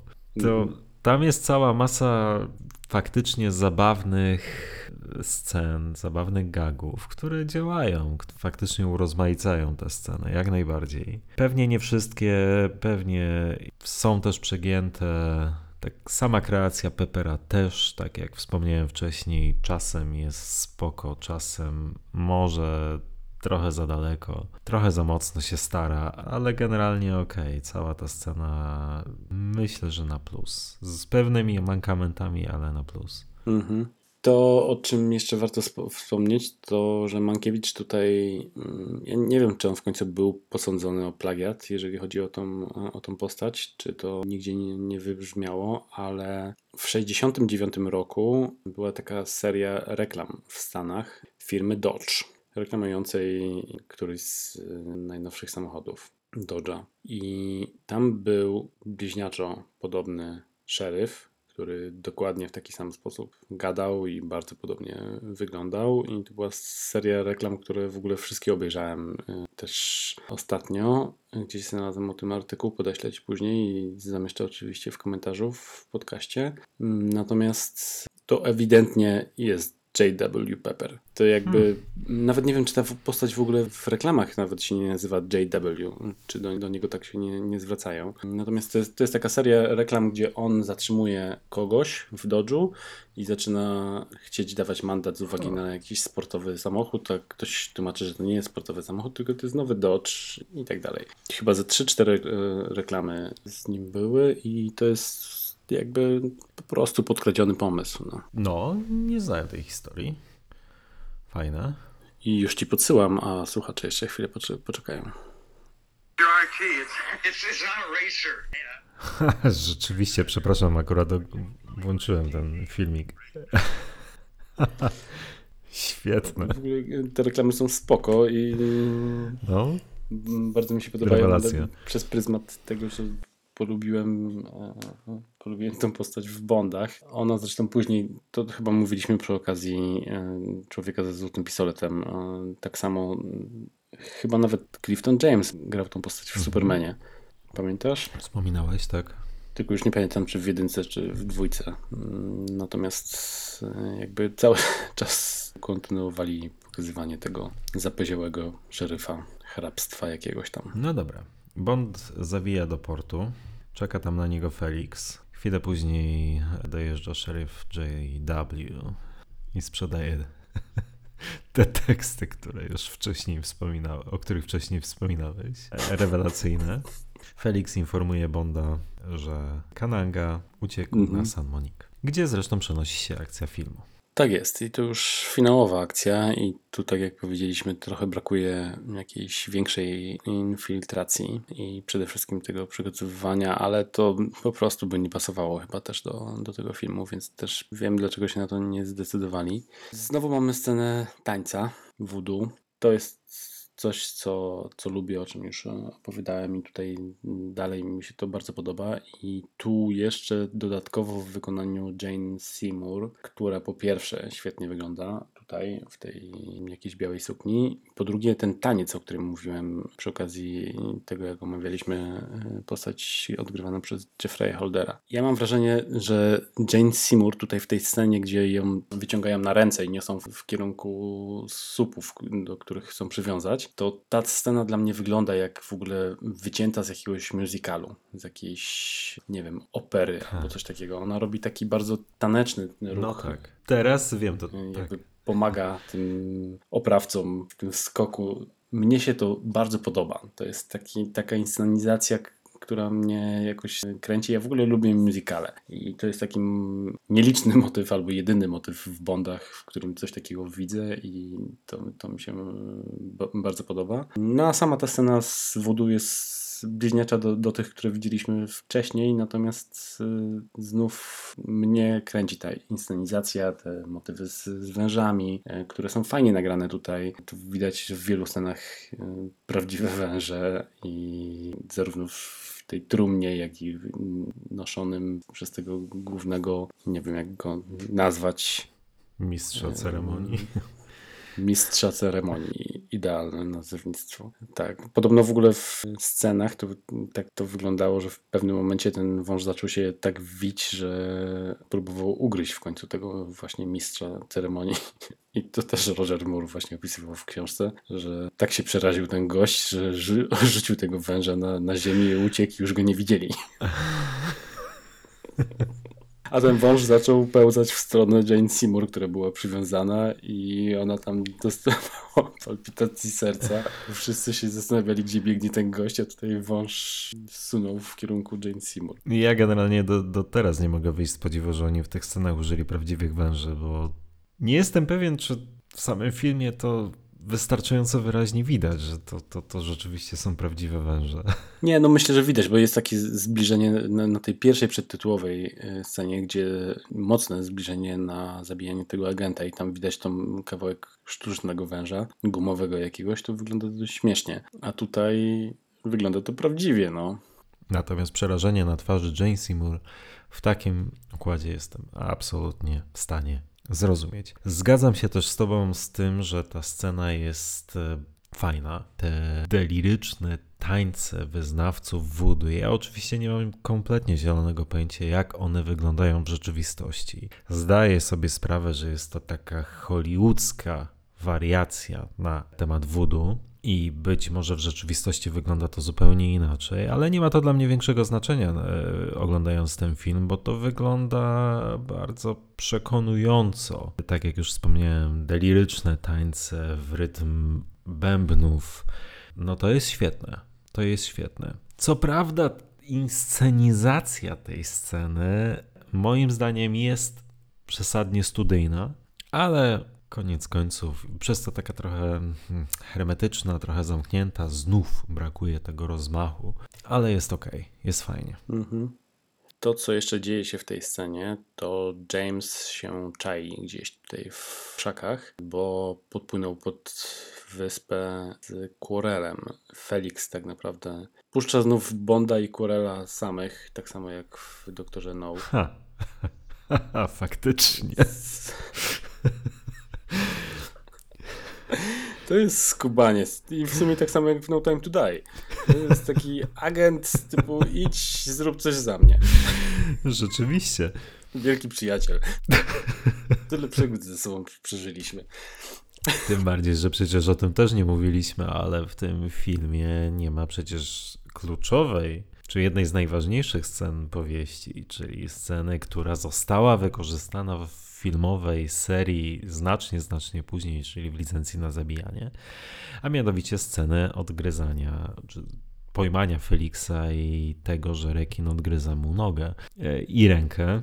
Tego oczywiście z jakiegoś powodu w tym filmie nie wykorzystano i też chyba ze szkodą dla filmu. Ale to, co ty wspomniałeś, nigdy nie pomyślałem o tej scenie przez pryzmat analogii do doktora No, ale w sumie tak. Kolejna rzecz, której się nie da już teraz odzobaczyć. Dokładnie. I tak jak zacząłem o tym mówić, to tak sobie myślę, że tak naprawdę faktycznie jedyny raz, kiedy widzimy Felixa w takiej typowej akcji, no to jest License to Kill, tylko później traci nogę. Więc może. Może dobrze, że nie brał udziału w tych, e, tych akcjach, natomiast jak sobie pomyślę o tym dialogu w No Time to kiedy James zwraca się do, do Felixa, tyle razem przeszliśmy i pamiętasz to i to, a tutaj we wszystkich filmach z serii Felix podrzuca Jamesa na akcję. No tak, ale mm, zarówno Quarrel, jak i James wyglądają już faktycznie bardziej jakby szykowali się na jakąś zasadzkę i infiltrację bazy, a nie czerwony t-shirt i niebieska koszulka. Więc to na plus. Wyciągnęli wnioski. Samo to, że Roger Moore występuje nie w garniturze. To jest w ogóle jest już... outfit, o którym też nie można nie wspomnieć. No nie można. Bo nie można. jeżeli miałbym go ustawiać tutaj w hierarchii tego filmu, to mocno bym się zastanawiał, czy nie dać go nawet na pierwszym miejscu poza tym, o którym opowiadaliśmy, czyli tym płaszczu na, na lotnisku. Świetnie wygląda Roger. Tak. Jak ktoś mi mówi Live Let Die, to nie widzę smokingu, nie widzę garniturów, widzę Jamesa w tym golfie i w tej fantastycznej brązowej kaburze, mm -hmm. znaczy z założoną kaburą, o, tak, i z, no i z Magnum, które jak na Jamesa jest mocno nietypowe, natomiast do, do Rogera w tych scenach i do tego ubioru dla mnie bomba. Mm-hmm. I z całą pewnością to, że Brudny Harry gościł na ekranach kin dwa lata wcześniej, nie miało absolutnie żadnego wpływu na wybór broni. E, w trzecim akcie Live and Die Ale tak, outfit, wyzłośliwiam się, ale rzeczywiście outfit, który ma Roger Moore, James Bond na sobie w tych scenach jest e, świetny.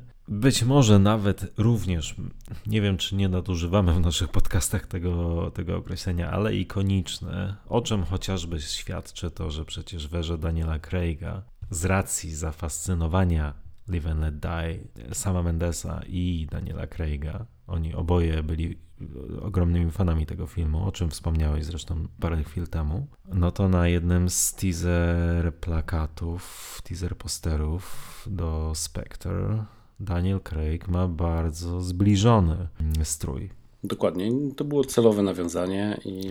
To było celowe nawiązanie oczywiście. Tym bardziej, że w samym filmie prawie, że w ogóle nie było widać tego golfa. On tam chyba miał pod kurtką w końcowych scenach, albo nie miał, może miał wtedy sweter, a ten golf miał w zimie, tylko to też pod całymi kamizelkami. No nieważne, w każdym razie e, widząc ten plakat z Spectrum miałem nadzieję, że w, szczerze mówiąc, że wykorzystają ten golf e, o wiele więcej w samym filmie.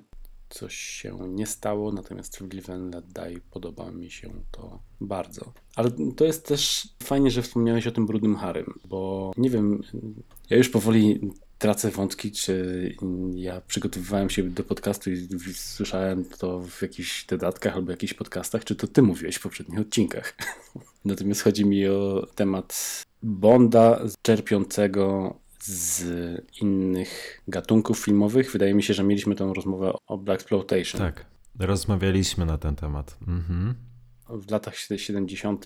Bond zaczął czerpać z innych gatunków albo podkradać jakieś tam pomysły, wykorzystywać je w, w filmach. Tak. I wydaje mi się, że Live and Let Die jest tak naprawdę takim chyba pierwszym filmem, w którym aż tak to się zaczęło na tak dużą skalę i to w sumie było już kontynuowane przez większość kolejnych filmów serii. Przez większość kolejnych filmów serii, bo przynajmniej w latach 70.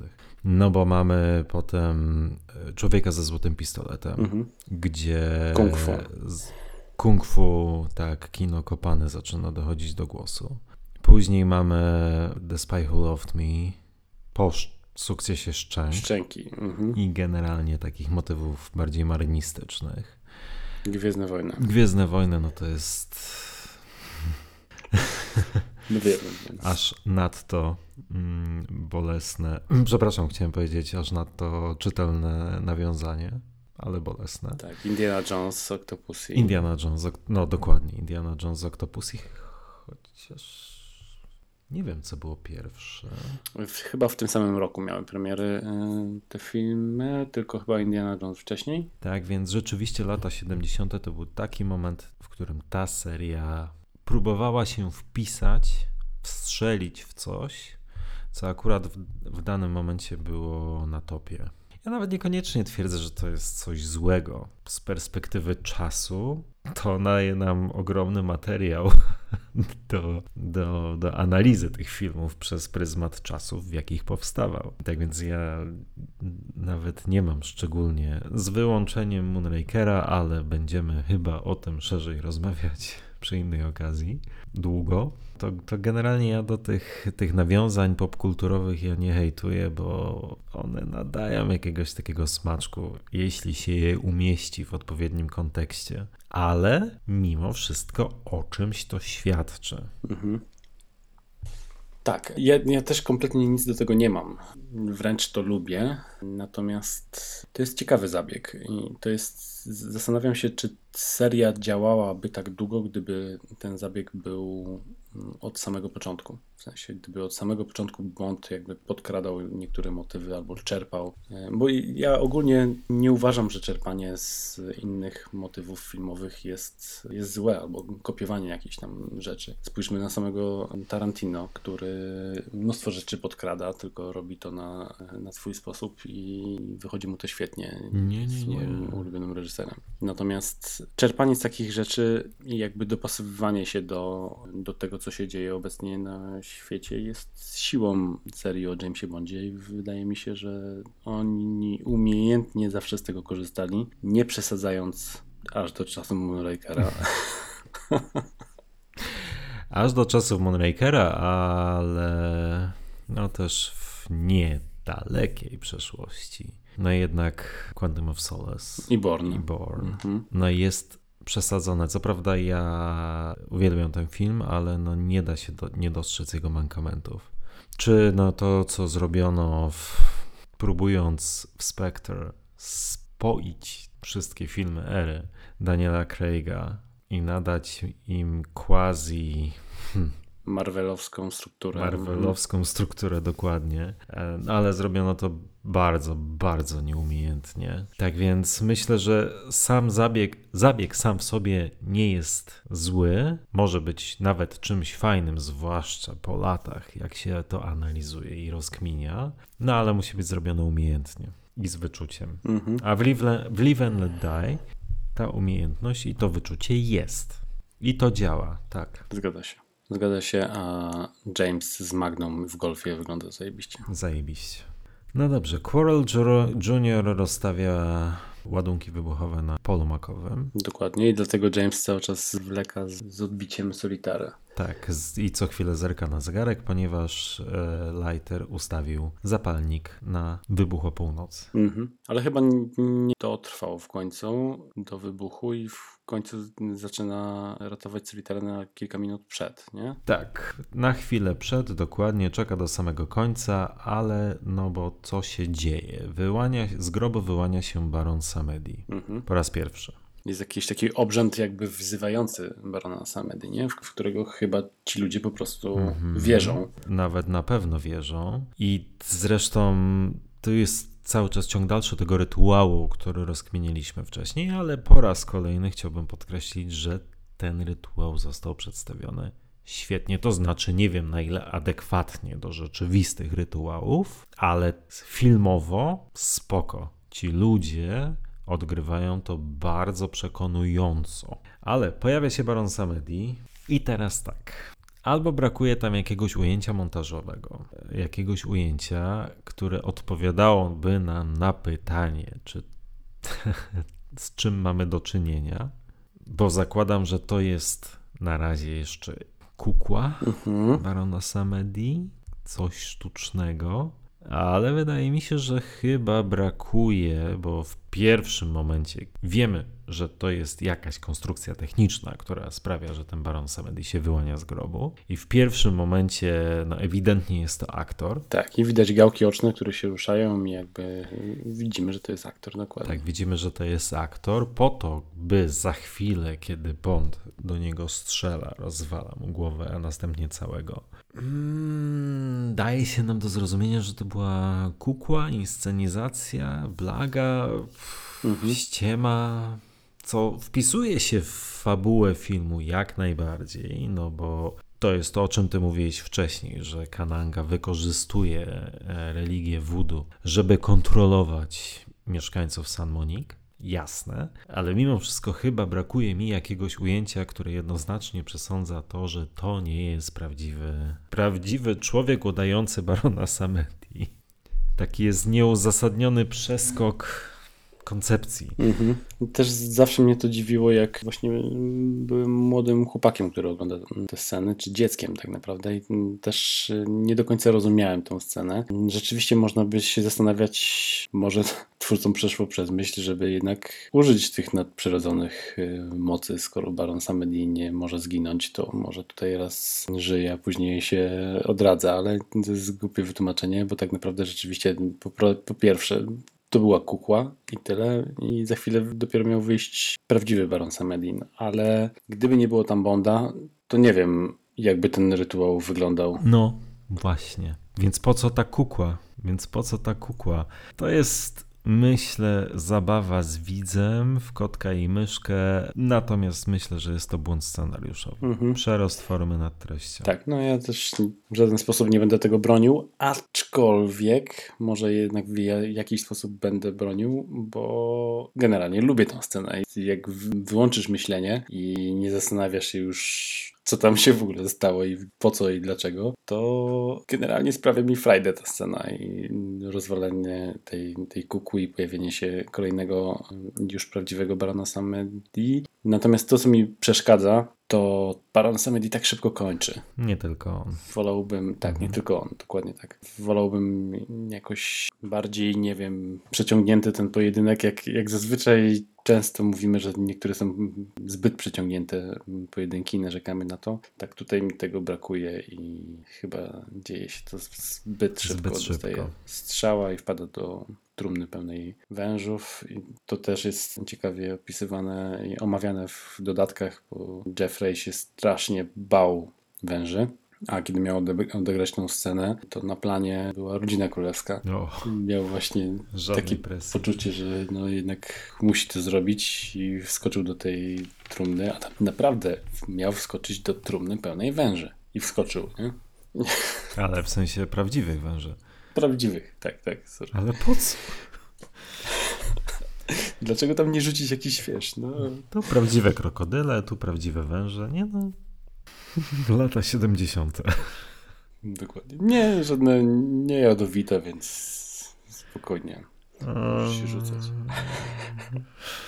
No, ale Baron kończy bardzo szybko. Solitary zostaje uratowana. Już wspominałem, że tutaj rzeczywiście to jest moja chyba ulubiona kreacja z Solitara w tym filmie. Bardzo fajnie wygląda Jane Seymour tutaj. Cała w bieli, ratowana przez Jamesa, całego w czerni. I zjeżdżają na dół bazy, gdzie się okazuje, że cała ta właśnie inscenizacja jakby była szykowana pod tą mistyfikację Barona Samedi. Tak, baza, która jest całkiem nawet spoko. Taka minimalistyczna scenografii do tego filmu chyba mówiliśmy, wspominaliśmy o tym, nie? że nie tworzył Ken Adam, tylko Sid Kane, ale bez szkody dla filmu. Nie, nie można niczego zarzucić tej bazie, tak mi się wydaje i wydaje mi się też, że to jest jedna z nielicznych scenografii w tym filmie, która tak naprawdę bardzo przywołuje na myśl Kena Adama. Zarówno ten pierwszy pokój kontrolny, jak i to kolejne pomieszczenie to są takie właśnie adamowskie mm, motywy. No ale chłopaki pracowali razem przez wiele lat, więc też nic, nic dziwnego. Mhm. I przechodzimy do konfrontacji już z samym Mr. Bigiem. Konfrontacji z Kanangą, Mr. Bigiem Kanangą.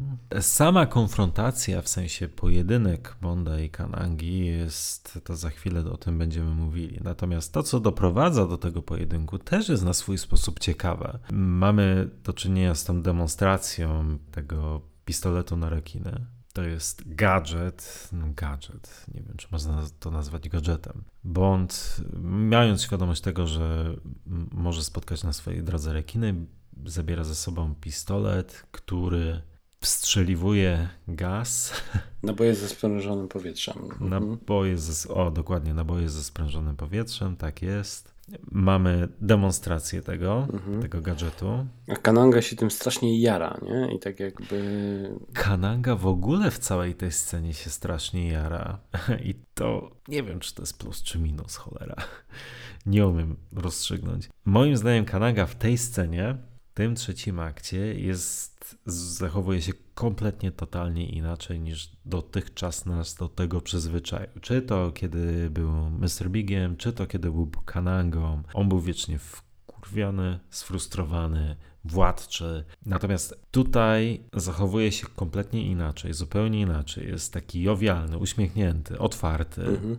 I tak jakby zafascynowany samym Jamesem, nie? Zafascynowany samym Jamesem, dokładnie. Fetko to to przyznał, że on to rozegrał tak, jakby on był fanboyem niemalże Jamesa Bonda. W każdym razie na pewno był nim zafascynowany, tak jakby chciał być jego lustrzanym odbiciem, tak jakby chciał mu zaimponować wręcz. Nie wiem, czy to jest niekonsekwencja, czy po prostu taki sposób na budowanie tej postaci. Czy ta postać zawsze miała dwie, właściwie trzy chyba twarze.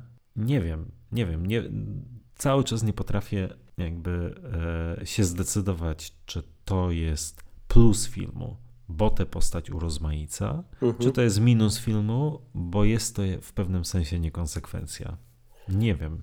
Ja jakoś nigdy nie traktowałem tego jako minus. To znaczy, to jest widoczne bardzo, ale po prostu znowu sobie coś dopowiadam, więc wyobrażałem sobie to w ten sposób, że początkowo Kananga jakby nie wiedział do, do czego James jest zdolny i chciał go jak najszybciej zabić, uśmiercić i tak dalej, nie mieć z nim nic do czynienia i rzucać tylko machnijcie go i, i jakieś inne teksty typu nazwiska są na nagrobki. Natomiast po prostu może zaczął się nim odrobinę fascynować pod względem tego, do czego ten koleś jest zdolny i cały czas mu przeszkadza i tyle. Jafet to na tyle fajnie to gra, że nie przeszkadza mi ani wcześniejsza wersja, ani ta. To nie jest Whitaker, którego omawialiśmy, ale niestety moje nagranie poszło z dymem. Bardzo żałuję tej mojej tyrady, którą straciłem na temat Whitakera, bo myślę, że na nic nie, nie, narzekałem, tak jak na tą postać. To może, przepraszam bardzo, tutaj tytułem wyjaśnienia, bo bez kontekstu Prawda. będzie ciężko to zrozumieć. Parę miesięcy temu bardzo dużo czasu i energii poświęciliśmy na to, żeby nagrać podcast o w obliczu śmierci. Tylko pewne problemy techniczne sprawiły, że z 5-6 godzinnej sesji zostało nam 3 godziny nagrania, a kolejne 3 godziny się nie nagrały. Dokładnie. Jakoś będziemy musieli to dograć, natomiast wydaje mi się, że flow, jaki miałem tam w wyciąganiu negatywnych aspektów w postaci y, Marian Dabo i brata Whitakera. Przeszedłem tam sam siebie i żałuję, że tego nigdy nie usłyszycie. To się nazywa złośliwość rzeczy martwych. Ale wytrąciłem cię z rytmu, więc przepraszam, teraz musisz sobie poradzić i wrócić na tory. Tak, no, no chodziło mi przede wszystkim o to, że ta końcówka w wykonaniu Jafeta to nie jest ani groteskowa, jest po prostu trochę inna niż wcześniejsza, natomiast nadal, nadal fajna. I ja przez to lubię tą postać. Też lubię ten ostatni pojedynek, o którym wspominałeś i ten, to jego dziwne trzymanie noża, jakby tak atakuje Jamesa, tak trzymając w górze dziwnie tak. nóż. Super, mnie to strasznie kręci. Tylko to jest kolejna scena i kolejny bohater, który e, jakby bardzo szybko zostaje pokonany, jak na głównego wroga. Bardzo szybko. Tak, bardzo szybko. Zresztą cała faktycznie i ten trzeci akt i ta ostateczna konfrontacja jest taka bardzo, bardzo nierozciągnięta, co też ma e, swoje dobre strony, bo nie nuży, nie ma kiedy się znudzić widzowi, jak najbardziej. Bo my już przeskakujemy powoli do śmierci Kanangi, natomiast y, warto jeszcze wspomnieć o tym, że zanim do tego dochodzi, to Bond i Solitaire są przywiązani do takiej mm, przedziwnej konstrukcji, a mhm, celem mhm. Kanangi jest to, żeby zresztą okalecza Bonda po to, żeby zwabić rekiny. To jest w pewnym sensie nawiązanie do powieściowego wątku, w którym Bond i Solitaire byli przeciągani pod kilem przez rafę koralową, licząc na to, że właśnie, że podmorskie stworzenia ich wykończą. Tak więc to jest nawiązanie do książki, ale w takim bardzo szczątkowym, bardzo uproszczonym i z pewnością znacznie, znacznie, znacznie tańszym zakresie. No ale miło, że to nawiązanie jest. Co mi osobiście wkurza w tej scenie, to to, że e, jak królika z kapelusza wyciągają gadżet, gadżet, czyli dopiero w tej scenie dowiadujemy się, że zegarek Rolex ma jeszcze jedną ukrytą funkcję, czyli może służyć za piłkę. I to jest trochę nie fair względem nas widzów, że nas wcześniej nie ostrzeżono, nie pokazano nam e, tego. Tutaj złamano zasadę strzel e, strzelby Czechowa pewnym sensie. No ale spoko. No ale z jednej strony zawsze narzekasz, że najpierw pokazują jak działa gadżet, a potem żeby go użyć. Ja wiem. To tu ci nie pokazują i też narzekasz. Ja wiem. No. Kurwa. Wiesz co, wiesz co, jest w pół do pierwszej w nocy.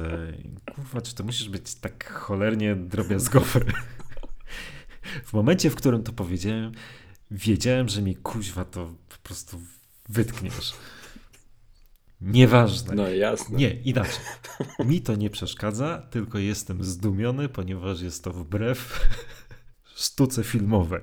gdzie jest rzeczywiście kwestia tej strzelby Czechowa cholernej, która jeśli w pierwszym akcie wisi na ścianie, to wiadomo, że w trzecim akcie wystrzeli. Próbkę tego mieliśmy właśnie ten, w scenie, w której Magnes, Magnes jak Magnes, ale scenie, w, w której Kananga wypróbowuje ten pistolet na rekinę to właśnie jest przykład na praktyczne zastosowanie mhm. zasady strzelby Czechowa. Natomiast jeśli chodzi o ten gadżet, tego nie ma i jestem tym po prostu zdumiony.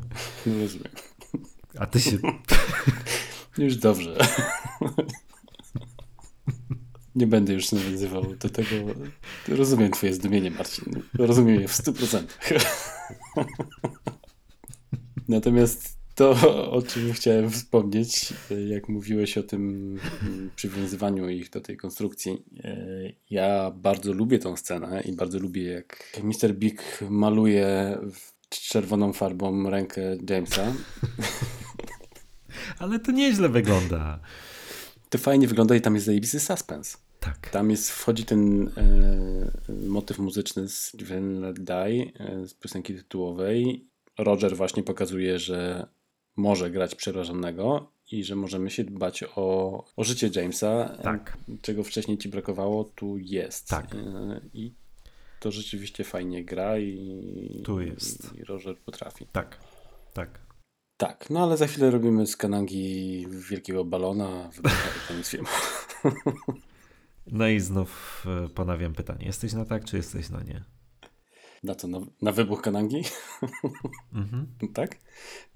No bo jest to bardzo, bardzo nietypowy sposób na uśmiercenie złola. Jest w tym trochę makabry, trochę gore. Tak, ale e, nie wiem, chyba bardziej na nie. Jest trochę śmieszny motyw, ale też trochę głupi i nie wiem. Znaczy z jednej strony mi to nie przeszkadza i w jakiś sposób się z tym godzę ogólnie, mając na uwadze całą konwencję filmu, e, ale nie wiem. Po pierwsze, Chyba najbardziej mi przeszkadza to, że dzieje się to tak szybko. Może gdyby taki koniec był mm, po jakimś tam jeszcze innych pojedynkach, to mniej bym na to, na to narzekał i może na to najbardziej narzekam. Natomiast sam wybuch chyba nie.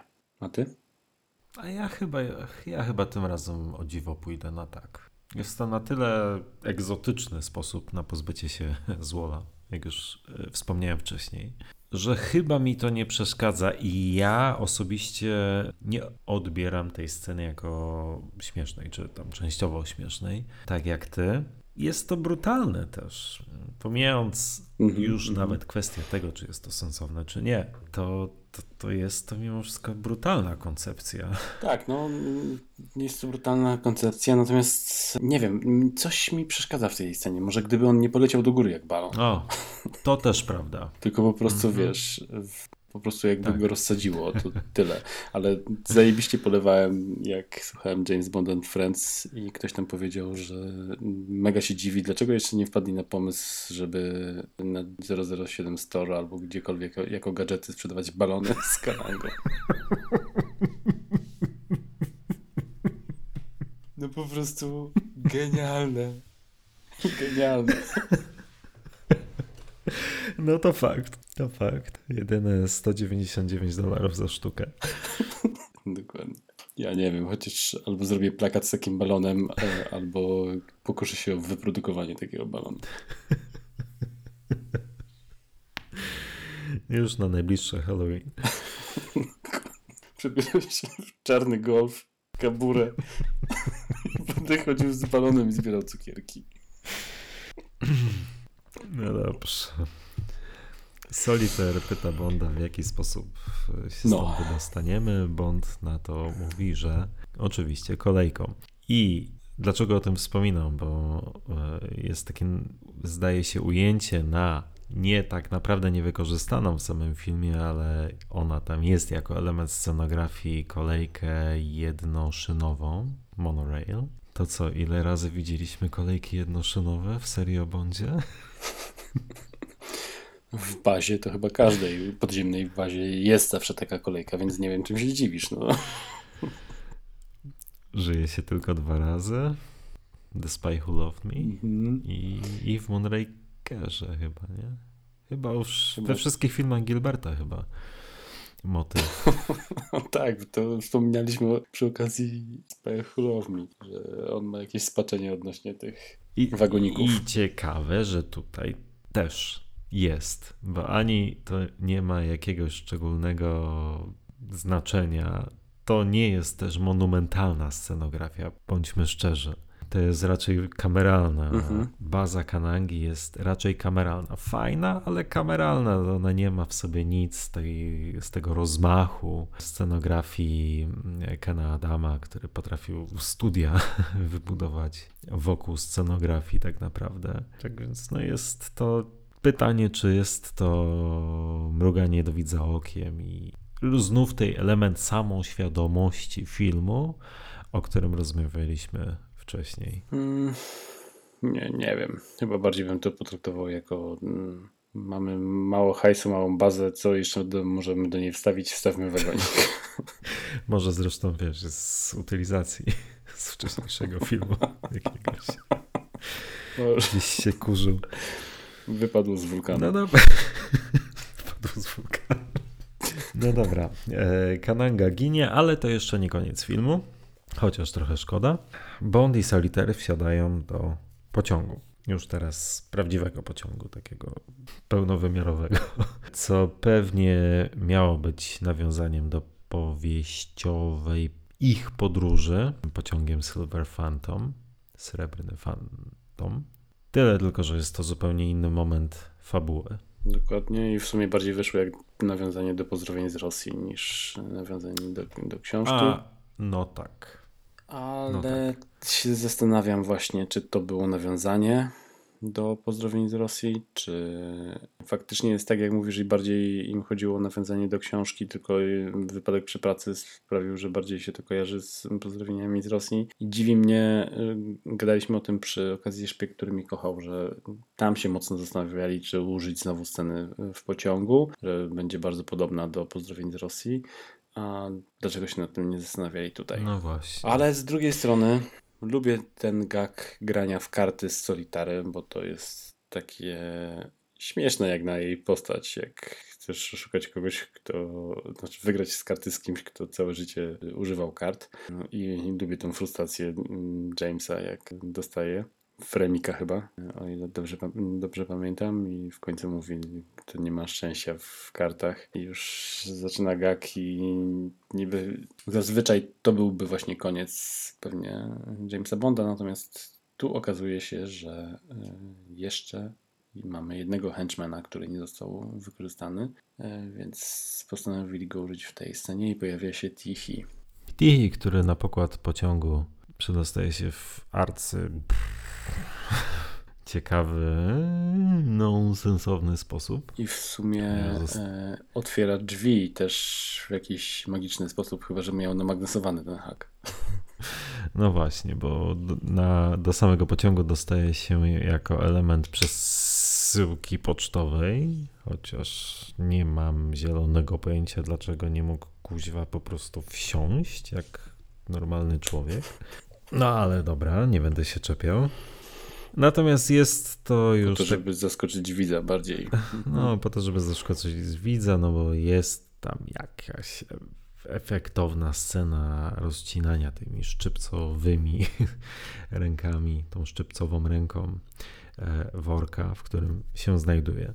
Natomiast sama ta scena uważam, że jest już kompletnie niepotrzebna niczemu nie służy. Nie ma w niej nawet krzty tej, tych emocji. Jeśli porównać, a każda scena bondowskiej serii, która będzie miała bijatykę na, w pociągu zawsze i będzie porównywana do pozdrowień z Rosji. Nie może być inaczej. Tak więc no, nie ma w niej już tej drapieżności, tej brutalności, tej zapalczywości i nie mam pojęcia, czy już teraz nie mylę słów, ale wiesz o co chodzi.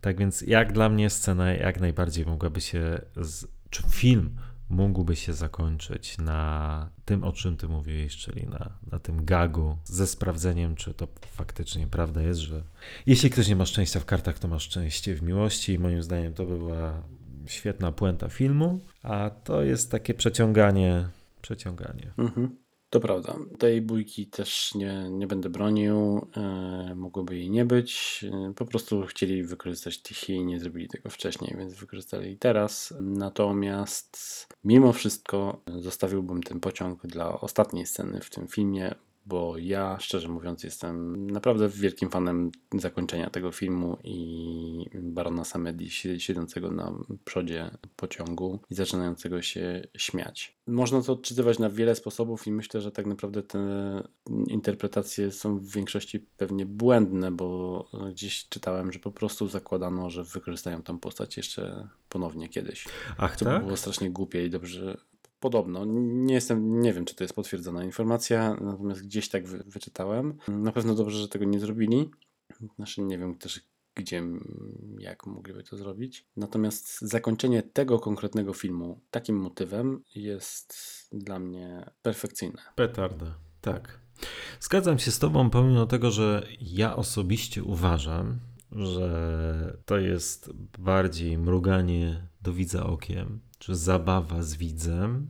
Mhm. I jest to bardziej gag, ale gag, tak. który zmusza mhm. nas po 50 latach do, do wiesz, czytania tego filmu, interpretowania go przez pryzmat tego, czy rzeczywiście to jest film, w którym jakiegoś rodzaju wątki nadprzyrodzone są, czy nie są, a tak naprawdę to, to, to miał być, myślę, w tej ostatniej scenie to już miał być tylko gag. Ale wyszło świetnie, mega klimatycznie. Mhm, dokładnie i możemy się, jak rozmawialiśmy o tej scenie z Baronem Samedi przy, przy grobie i tam mówiliśmy, że brakuje czegoś, żeby nie wyglądało to głupio albo po prostu, że brakuje jakiejś logiki tutaj e, i, i tam powiedzmy ją trzeba wyłączyć jakby nie patrzeć co się stało. W tej scenie też jej nie ma, no bo wiemy, że ta postać nie żyje. Natomiast tu w jakiś sposób tej logiki nie potrzebujemy. Nie zastanawiamy się, dlaczego on tu jest, tylko po prostu cieszymy się, że widzimy go w ostatniej scenie i że on się śmieje i że kończy się film. I to jest takie bardzo filmowe, bardzo tak, czarujące zabawa w sposób w voodoo. Ale w pozytywnym tego słowa oczywiście znaczeniu. Mhm. Dokładnie. No i napisy końcowe, o których już mówiłem trochę wcześniej, kilka odcinków temu, e, które zaczynają się od wymiany, wymienienia lokacji, a zaraz potem product placement, po czym dopiero przechodzimy do zwyczajowej listy płac. Koniec. Tak jest. James Bond powróci w Człowieku ze złotym pistoletem. No i dobrnęliśmy. Udało się w czwartym odcinku. Naprawdę, kiedy zaczynaliśmy rozmawiać na temat tego filmu, kiedy się przygotowywałem do podcastu, do tej sesji, do pierwszej sesji nagraniowej. Nigdy w życiu nie spodziewałem się, że o tym filmie będzie aż tyle do opowiedzenia. To jest chyba jedna z najbardziej zaskakujących naszych sesji mm, dotychczasowych. Myślę, że masz rację. To znaczy, ja się spodziewałem, że będzie długo. Zawsze się spodziewam. I zawsze mnie dziwi, że ty się nie spodziewasz. bo inaczej już się nie da. E, ale tak. Ale myślę, że nie aż. Na pewno zaskakujące. Nad niektórymi wątkami mocno się tutaj skupialiśmy, ale myślę, że była taka potrzeba i było warto, bo to były ciekawe rozmowy. I mnie się ten podcast bardzo podobał. Tobie, Marcin? No, wyszedł nam. Jest okej. Okay. Chętnie go przesłucham. Przez wrodzoną skromność. Chętnie go przesłucham, słuchaj, zostawię lajka i może nawet udostępnię. tak zrób. No dobra, szybkie podsumowanie, nie będziemy już przynudzać, bo to i tak będzie najdłuższy odcinek tego, tego podcastu. To może ja zacznę. Tak jak wspominałem na początku, tym razem przygotowując się do podcastu i oglądając ten film, mhm. spojrzałem na niego trochę bardziej krytycznym okiem. Przez wiele lat on był mm, u mnie numerem jeden, jeżeli chodzi o Rogera Mora. Teraz szczerze mówiąc nie wiem, gdzie go umieścić w klasyfikacji i możliwe, że nadal by tam nawet był. Chyba muszę po prostu sobie zrobić ponowny seans wszystkich filmów z, z Rogerem Murem. Natomiast ja ten film lubię, mimo tego, że on ma kilka mankamentów, no. kilka niesmacznych rzeczy, tak jak rozmawialiśmy sobie, czy po prostu kilka błędów scenariuszowych, to dla mnie ten poziom wykorzystania Black Exploitation i wstępy Rogera Mura do, do serii jest bardzo klimatyczny. Ja, ja go bardzo lubię. Myślę, że jest to po części spaczone tym moim jakiegoś dziwnego stopnia, którego nie mogę wytłumaczyć sam sobie uwielbienia do, do voodoo. Natomiast to mi się tutaj podoba. Lubię wroga. Nie mam jakiegoś większego e, problemu z tym, że jego plan jest bardzo, bardzo przyziemny. Nie przepadam za Jane Seymour co jest dla mnie pewnym jakimś minusem, ale też nie na tyle, żeby na nią narzekać. Po prostu jakoś, tak jak powiedziałem, nie widzę chemii między, między nią a, a Rogerem i to mi trochę mało gra. Ale cały czas naprawdę bardzo potrafię się dobrze bawić przy tym filmie. I mało rzeczy mnie tu wytrąca z rytmu, a te rzeczy, o których rozmawialiśmy dosyć długo, czyli te niesmaczne, ja w jakiś sposób zawsze po prostu chyba, może też niesprawiedliwie i może po tych naszych rozmowach to się zmienia na tak naprawdę na pewno już się po części zmieniło. Przykładałem do tego mniejszą wagę. W tej chwili chyba bardziej będę na to zwracał uwagę przy kolejnych se seansach i może mi to zacznie o wiele bardziej przeszkadzać. Ja jestem absolutnie przekonany, że po tak intensywnej rozkminie tych problematycznych scen e, żaden z nas już chyba na nią nie spojrzy tak jak kiedyś. I wydaje mi się, że będzie to coś, co, co będzie nas w pewnym sensie uwierało przy każdym seansie. Mhm, możliwe. Mm, to jeszcze czym chciałem zakończyć moją przydługawą i nieskładną wypowiedź, to dało mi do myślenia jeden z komentarzy, już nie pamiętam czy na grupie, czy na moim albo twoim fanpage'u, odnośnie tego, że ktoś zażartował, czy w takim razie jest sens rozkładać te filmy na czynniki pierwsze aż tak, jak to robimy. Bo po pierwsze wyciągamy mnóstwo jakichś głupot, e, po drugie wyciągamy też mnóstwo jakichś mankamentów, jakichś srogich, przez które naraz zaczynamy trochę inaczej e, patrzeć na ten film. Natomiast u mnie jest trochę inaczej niż u Ciebie.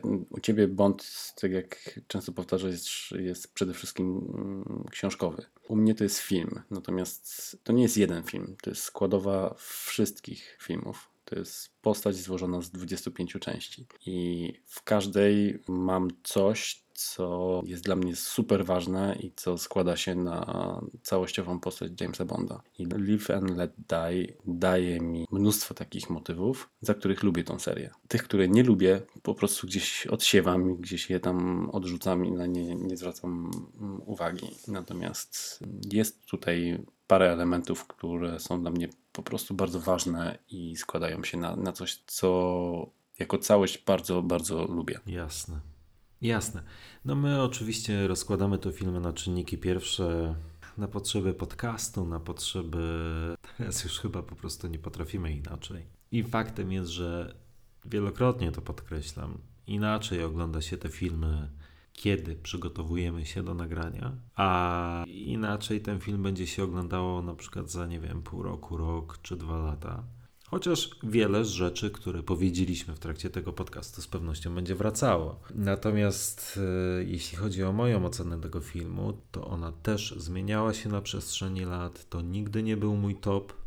Były momenty, zwłaszcza na początku mojej przygody z Bondem, kiedy gdybym miał ocenić zero-jedynkowo, to raczej byłbym na nie.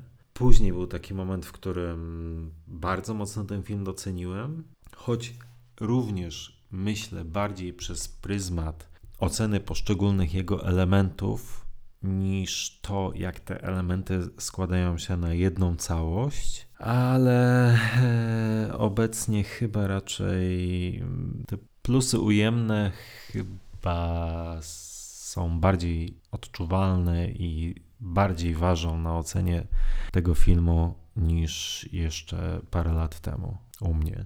No bo tak, film ma całe mnóstwo plusów. Jest bardzo mocny aktorsko. Zarówno na pierwszym planie, jak i na drugim planie.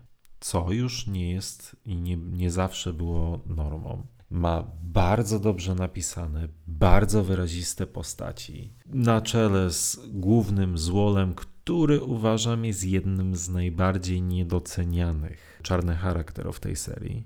Kananga jest fantastyczny. No oczywiście piosenka. Rzadko kiedy piosenka za, waży na, na, na odbiorze filmu jako całości, ale no tutaj ta piosenka jest tak nieodłącznym elementem tego filmu i tak charakterystycznym, że nie sposób o niej nie wspomnieć. I to Dokładnie. i piosenka... Jak, jak, bohater filmu. Tak, dokładnie, bo i piosenka, która ilustruje czołówkę, wiadomo, ale motyw muzyczny, który się przewija przez cały film, no jest jedyny w swoim rodzaju, jest po prostu genialny. No i mimo wszystko, tak, zgadzam się, ten klimat jest bardzo ciekawy i wyrazisty. Klimat tego filmu, ogólny klimat tego filmu. Ale no, są też te mankamenty, na które zwracałem uwagę w poszczególnych odcinkach, czyli ten rozmach, którego mi brakuje ten brak stawki i brak suspensu z prawdziwego zdarzenia, to są mankamenty,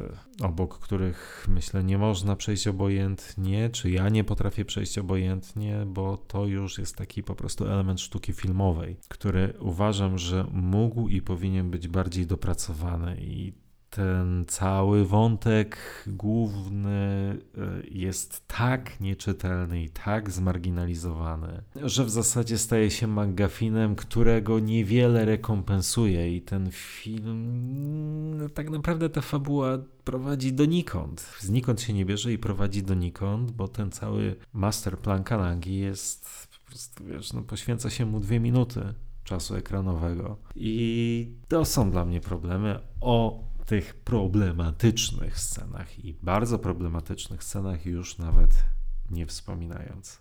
Ale powiem Ci, że tak, jestem bardzo ciekaw tego Twojego ponownego podejścia do ery Rogera Mura. Jeśli rzeczywiście będziesz miał okazję w najbliższym czasie, to, to, to zrób podejście, bo jestem bardzo ciekaw, czy jednak to będzie Twój numer jeden, a jeśli nie, to co wskoczy mhm. na miejsce Live Let Die? No, ja jestem przede wszystkim ciekawy kolejnego podejścia do For Your Eyes Only, bo tu myślę, że się też sporo zmieniło po, po naszych podcastach w, w tym temat, temacie, natomiast to jest coś, do czego jeszcze chętnie bym nawiązał w, teraz w tym podsumowaniu. Ja ogólnie kupuję luźne podejście w erze Bonda w wykonaniu Rogera. Nie uważam, żeby to było. Kiedyś powiedziałeś coś takiego, że to jest skrzywdzące patrzeć na jego erę tylko przez ten pryzmat. Znaczy, zgadzam się, że tylko przez ten pryzmat pewnie jest krzywdzące, bo e, potrafi i zagrać coś innego i czasami mu to dobrze wychodzi. Natomiast mimo wszystko uważam, że Roger Moore jest stworzony do takiej luźniejszej konwencji. W tym czuje się jak ryba w wodzie i dla mnie pasuje do niej lepiej niż do konwencji w